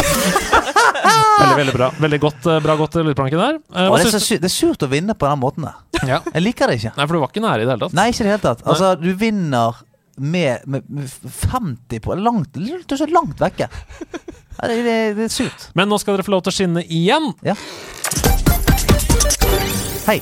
For det renner inn med spørsmål til korktavlen. Og aller først, vi har lagt merke til litt sånn murring rundt at folk ikke får svar på alle spørsmålene sine. Og det skjønner vi selvfølgelig godt. Men det er fordi det er veldig mange spørsmål. Det er så er mange at det er umulig å komme gjennom alle sammen. Derfor så skal vi lage to episoder av Sidequest snart, der hvor vi bare måker gjennom en hel haug med spørsmål. Mm. Så bare hold ut, det kommer eh, flere spørsmål. Hei, Mia! Kiden min elsker gaming og nerdekultur, f.eks. Minecraft, Star Wars og Marvel, men sier at lesing er ikke helt min stil. Eh, lesing er en stor del av skolen, hvor de bl.a. leser selvvalgt litteratur i lekse de fleste dagene i uka, noe som ofte ender i en kamp om overtalelse fra min side. Jeg mener jo også det er mange helsemessige gevinster ved lesing, og at man går glipp av en stor del av nerdiverset ved å kategorisk utelukke alt som må leses. Jeg har prøvd å overtale 11-åringen med at lesing er for alle, men at han bare må finne det som passer for seg. Dette har ikke nådd helt frem. Og for å være helt ærlig så føler jeg litt på at dette er iPad- og YouTube-generasjonen som forventer underholdning av noe som skal komme mer eller mindre intravenøst, med minst mulig egen innsats. Har du og dere andre noen tanker om dette? Eh, Er dette et økende problem, eller var det jeg som overdriver? Og har du noen gode tips til lesestoff som kan øke leselysten og vekke den hos en elleveårig nerd? PS. Hen. Så det er ikke noe gutt her, jeg har bare antatt det. Hen leser bra, så det er ikke et problem. Hilsen MM. MM. Ja, denne her tror du du må ta. Rett og slett. Først og fremst kan jeg si at dette er et utrolig vanlig problem. Jeg Ja. får daglig folk innom jobb som spør om akkurat dette. For som Mm. de sier, dette er en det er en teknologisk hverdag. Alle sitter på YouTube, alle gamer, alle sitter foran en skjerm. Mm. Og foreldrene vil at kidsa skal lese. Mm. Uh, og det skjønner jeg godt. Uh, og ut ifra det de sa, så tror jeg kanskje ikke at jeg har lyst til å anbefale ei bokbok. Mm. Nei, Uh, men bare en bok. en bok. Ja, En bok, ja. en mangabok. Ja. For det vi har sett eh, og erfart, er at eh, det er Det er det her visuelle Hvis du må sitte og lese ei bok med masse tekst, så blir du fort lei. Mm. Mm. Du sitter og leser dette på skolen. Vi skjønner liksom at lesing det føles som en chore hvis du ikke allerede er inni det. Mm. Leser du en manga med tegninger og veldig fast-paced Mm. story, da har du det. Mm. Og jeg tror foreldre må ikke se ned på manga eller tegneserier generelt, fordi at veldig ofte så hører vi at ah, men det er jo ikke Ekte bøker. Ja, eller- liksom, de leser jo ikke. Jo, jo.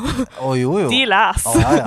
Altså, jeg leste så latterlig mye Donald uh, da jeg var barn, og det var jo altså, det var jo grunnen til at jeg kunne lese ganske tidlig. Ja, ja, men det er jo og, og, altså, og, og om ikke det holder, så er det i hvert fall et jævla bra gateway drug, da. Det er Mm. sånn, Begynne å lese for gleden av det der analoge uh, uttrykket som er bøker. Mm. Og så er ja, La oss si det er en manga, da, så er det like veldig godt. Og så er det sånn Ja, men her er det òg en, en bok som omhandler det universet. Sånn, ok, greit. Og så, er Mm. og så, så begynner man å bygge.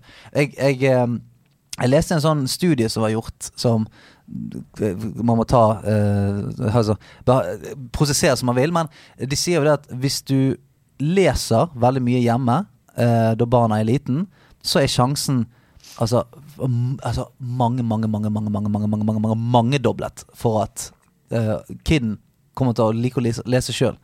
Fordi at dette her er noe som er rundt. Mamma og pappa leser, det leses her. Sånn at den, den terskelen for å begynne å lese og sånt, den er så ekstremt mye lavere. Hvis ikke det er noe lesing, og man, det første møtet er sånn på skole, at du får med deg hjem 'Brødrene Løvehjerte', der skal vi lese, det er, da er det sinnssykt mye mindre sjanse for at ungen din liker å lese. Selvfølgelig. Mm. Så hvis det ikke hadde vært noen sånn tradisjon for lesing i hjemmet, og sånt At det bare sånn Ja, hadde vært digg om ungen min leste heller enn å spille, så er det kan det være at det er vanskeligere enn du tror. For det, at det, er, det er ikke noe som bare folk liker. Eh, det, er ikke, det er ikke noe som mennesker liker sånn generelt sett. Hvilken bok eller bokserie skulle du ønske ble til et spill, Mia? Og hva slags spill ville det ha vært? Hilsen Jim på lageret. Gi på lageret, ja. Jim. Hjerte fra Jim. Veldig masse hjerte til Jim. Uh, oi, Det er et stort spørsmål. det er det. Ja, Men du trenger ikke være liksom den ene, men kanskje en, ett av de. Ja.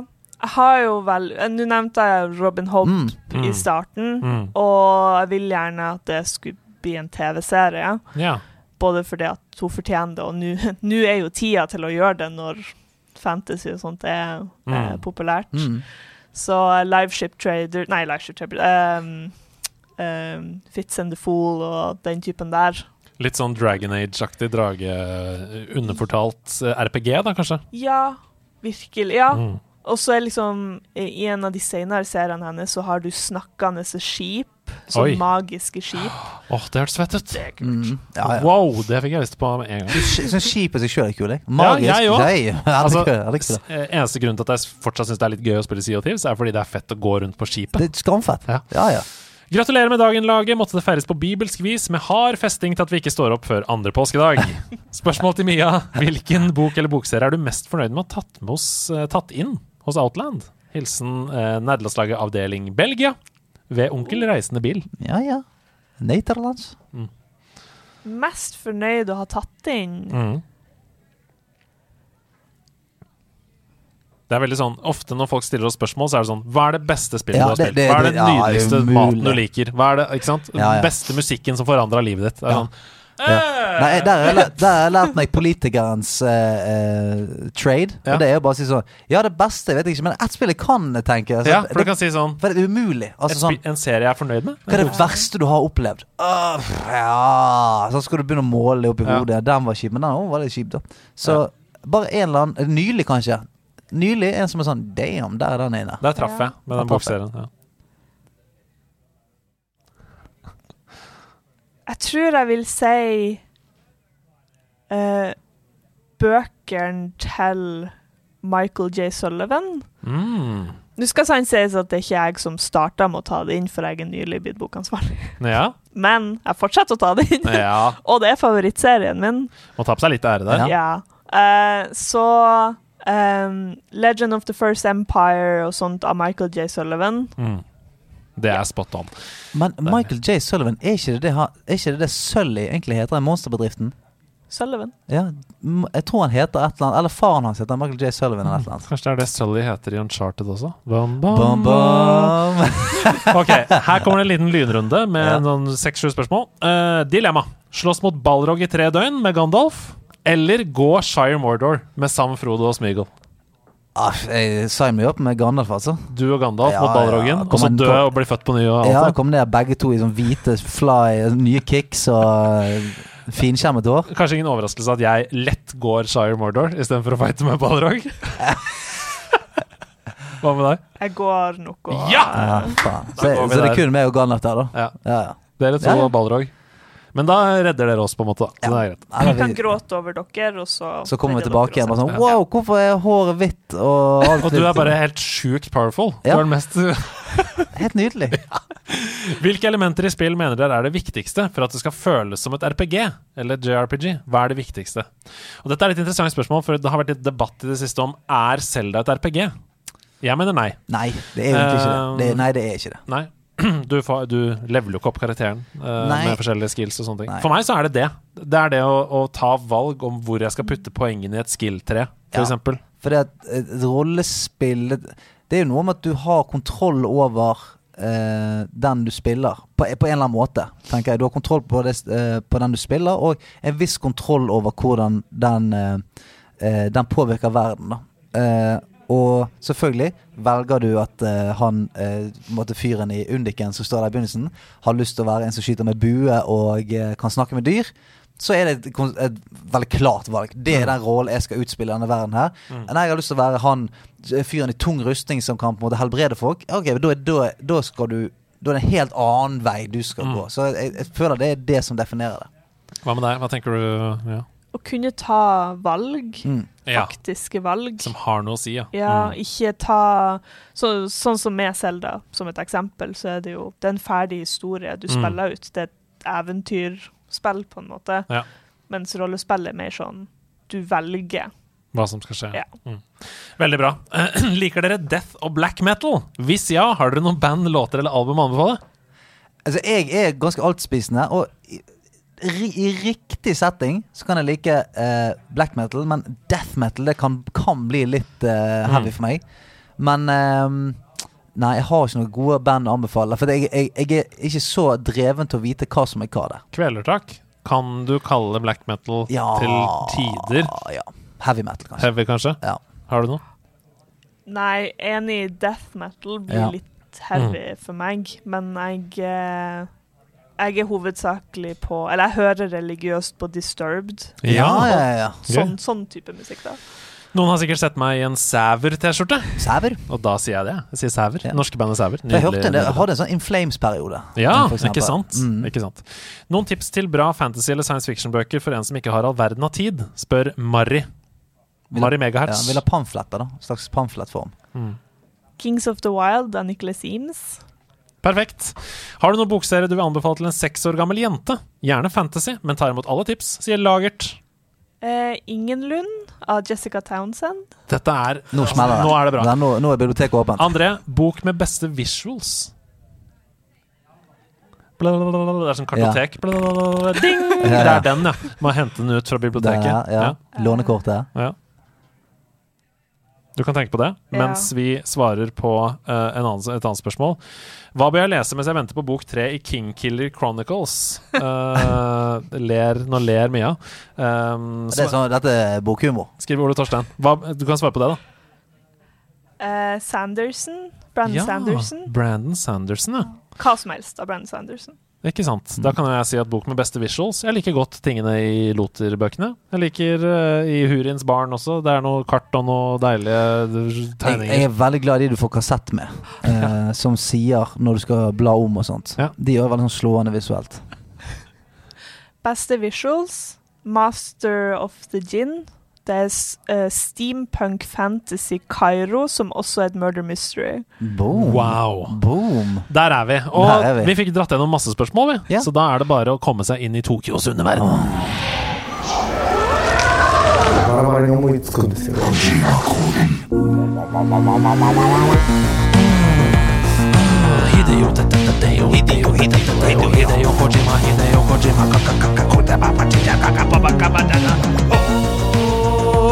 バラバラに思いつくんですよ Here Hideo, Hideo, Hideo, Hideo, Hideo Kojima, Hideo Kojima, Oh, Hideo Kojima, Hideo Kojima, Hideo Kojima,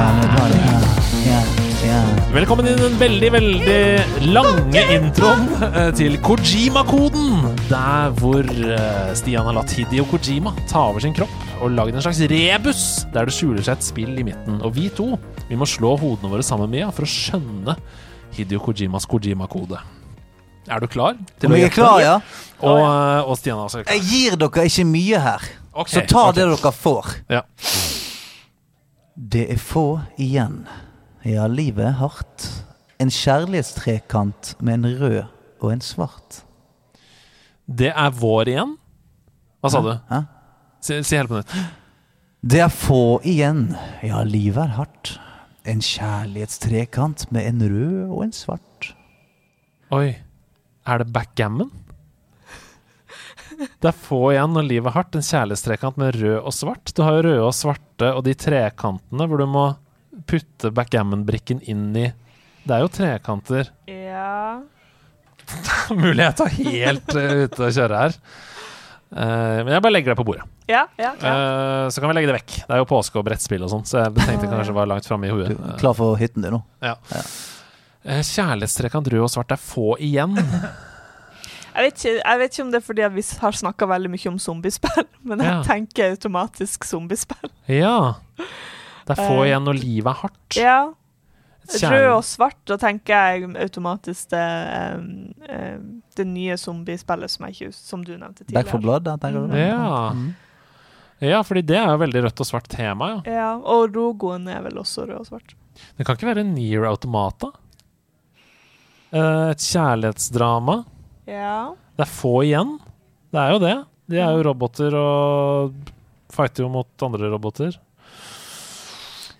Skal vi avlegge svar, eller må vi ta en eh, setning til? Nei, vi, vi kan jo tippe noe. Hva Ja. føler du? Hva kjenner du på? Skal vi si Back for Blood, siden det var ditt tipp? Ja. Vi sier det. Ja. Back for Blood. Nei. Nei. OK, her kommer neste Nå ledd. tar jeg den fra begynnelsen av, så får dere alt. Ja. Det er få igjen, ja, livet er hardt. En kjærlighetstrekant med en rød og en svart. Ja, det er få igjen, men en jente kommer inn. Kjærlighet bundet etter pakt med en gin. Oi, dette vet ikke jeg hva er. Gin? En ånd? Ja. sånn som. D-J-I-N-N. D-J-I-N-N. Gin. Oi, her står det stille. ass. Dette er et spill jeg ikke har spilt. Føler jeg meg ganske. Dette har du spilt. Hæ? Men jeg må, måtte gi dere såpass lite at dere må faktisk tenke litt. Grann. Okay, Ok, for Dette har dere begge to definitivt spilt. Er det Mario, liksom? Få det en gang til. Det er få igjen. Ja, livet er hardt. En kjærlighetstrekant med en rød og en svart. Ja, det er få igjen, men en jente kommer inn. Kjærlighet bundet etter pakt med en gin. Å, guri malla, dette er eh, Dette er tøft, ja. Kjærlighetstrekant, da tenker jeg Bowser, Peach og Mario. Er, er det en kjærlighetstrekant, eller er det en, Han ene som har kidnappet en dame? Eh, Er det ikke en, teknisk sett en kjærlighetstrekant til Kingdom Hearts? Eh, jo, det kan det jo være. Hvor såra er rød og ja, Kairi, mener Ja. du? Kairi, ja. Mm. Skal vi svare det, da? La oss svare det. Kingdom Hearts. Vil dere vite Ja. hva det er? Ja. Det er Witcher 3. Nei! En kjærlighetstrekant med en rød og en svart. Jennifer of Wengerberg og uh, Liz Er det det heter?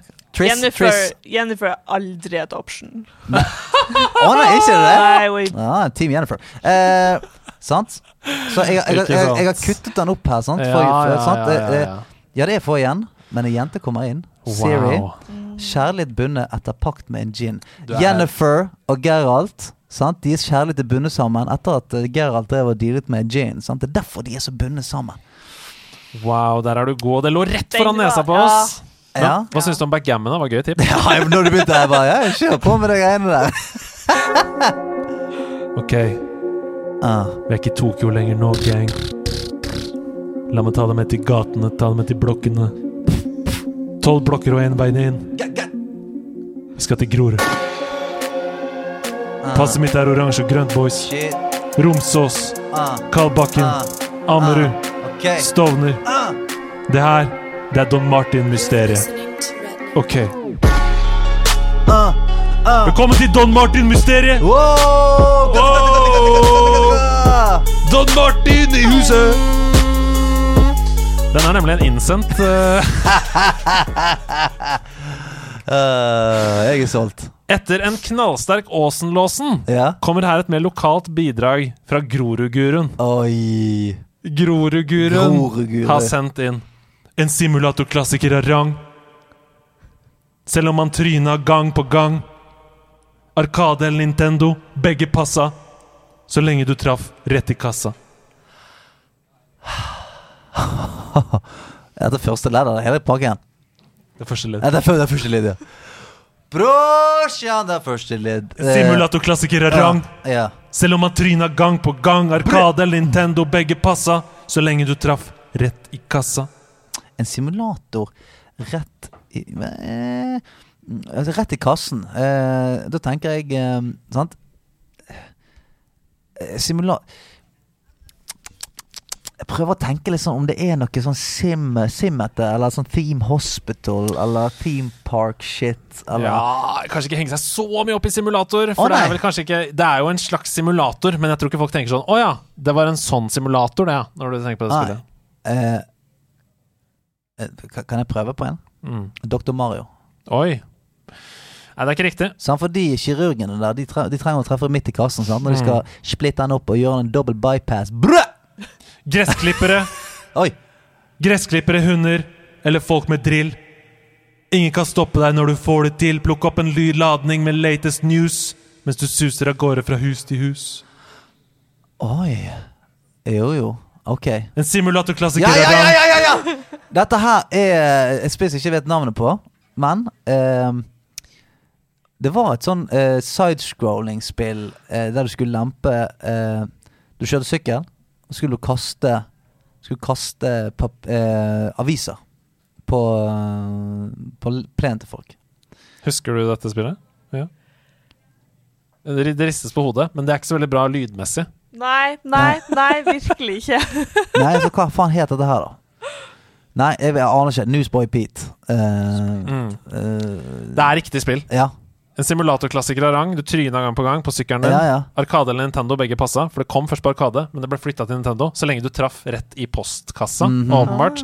Gressklippere, hunder eller folk med drill, de var jo fiender. På ja. Ingen kan stoppe deg når du får det til. Plukk opp en ladning med latest news mens du suser av gårde fra hus til hus. Dette er Paperboy. Paperboy! Det lå jo der. Det fra- lå der. Du kunne bare sagt hva han var for noe. Han er en paperboy. 85. Og det er altså innsendt av Grorud-guruen. Var ikke det litt fett? Altså, velkommen. Eh, måtte du bli lenge. Grorud-guruen. Ja, instant fan.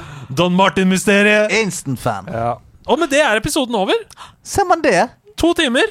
Rett, eh, rett inn i historiebøkene. Ja, de suste. Hvordan har du hatt det, Mia? Kjempeartig. Ja. Det, jeg skjønner ikke hvorfor jeg var så nervøs. Ikke vi heller. Altså, Dette er et trygt sted, og vi har hatt det så gøy med å bli kjent med deg.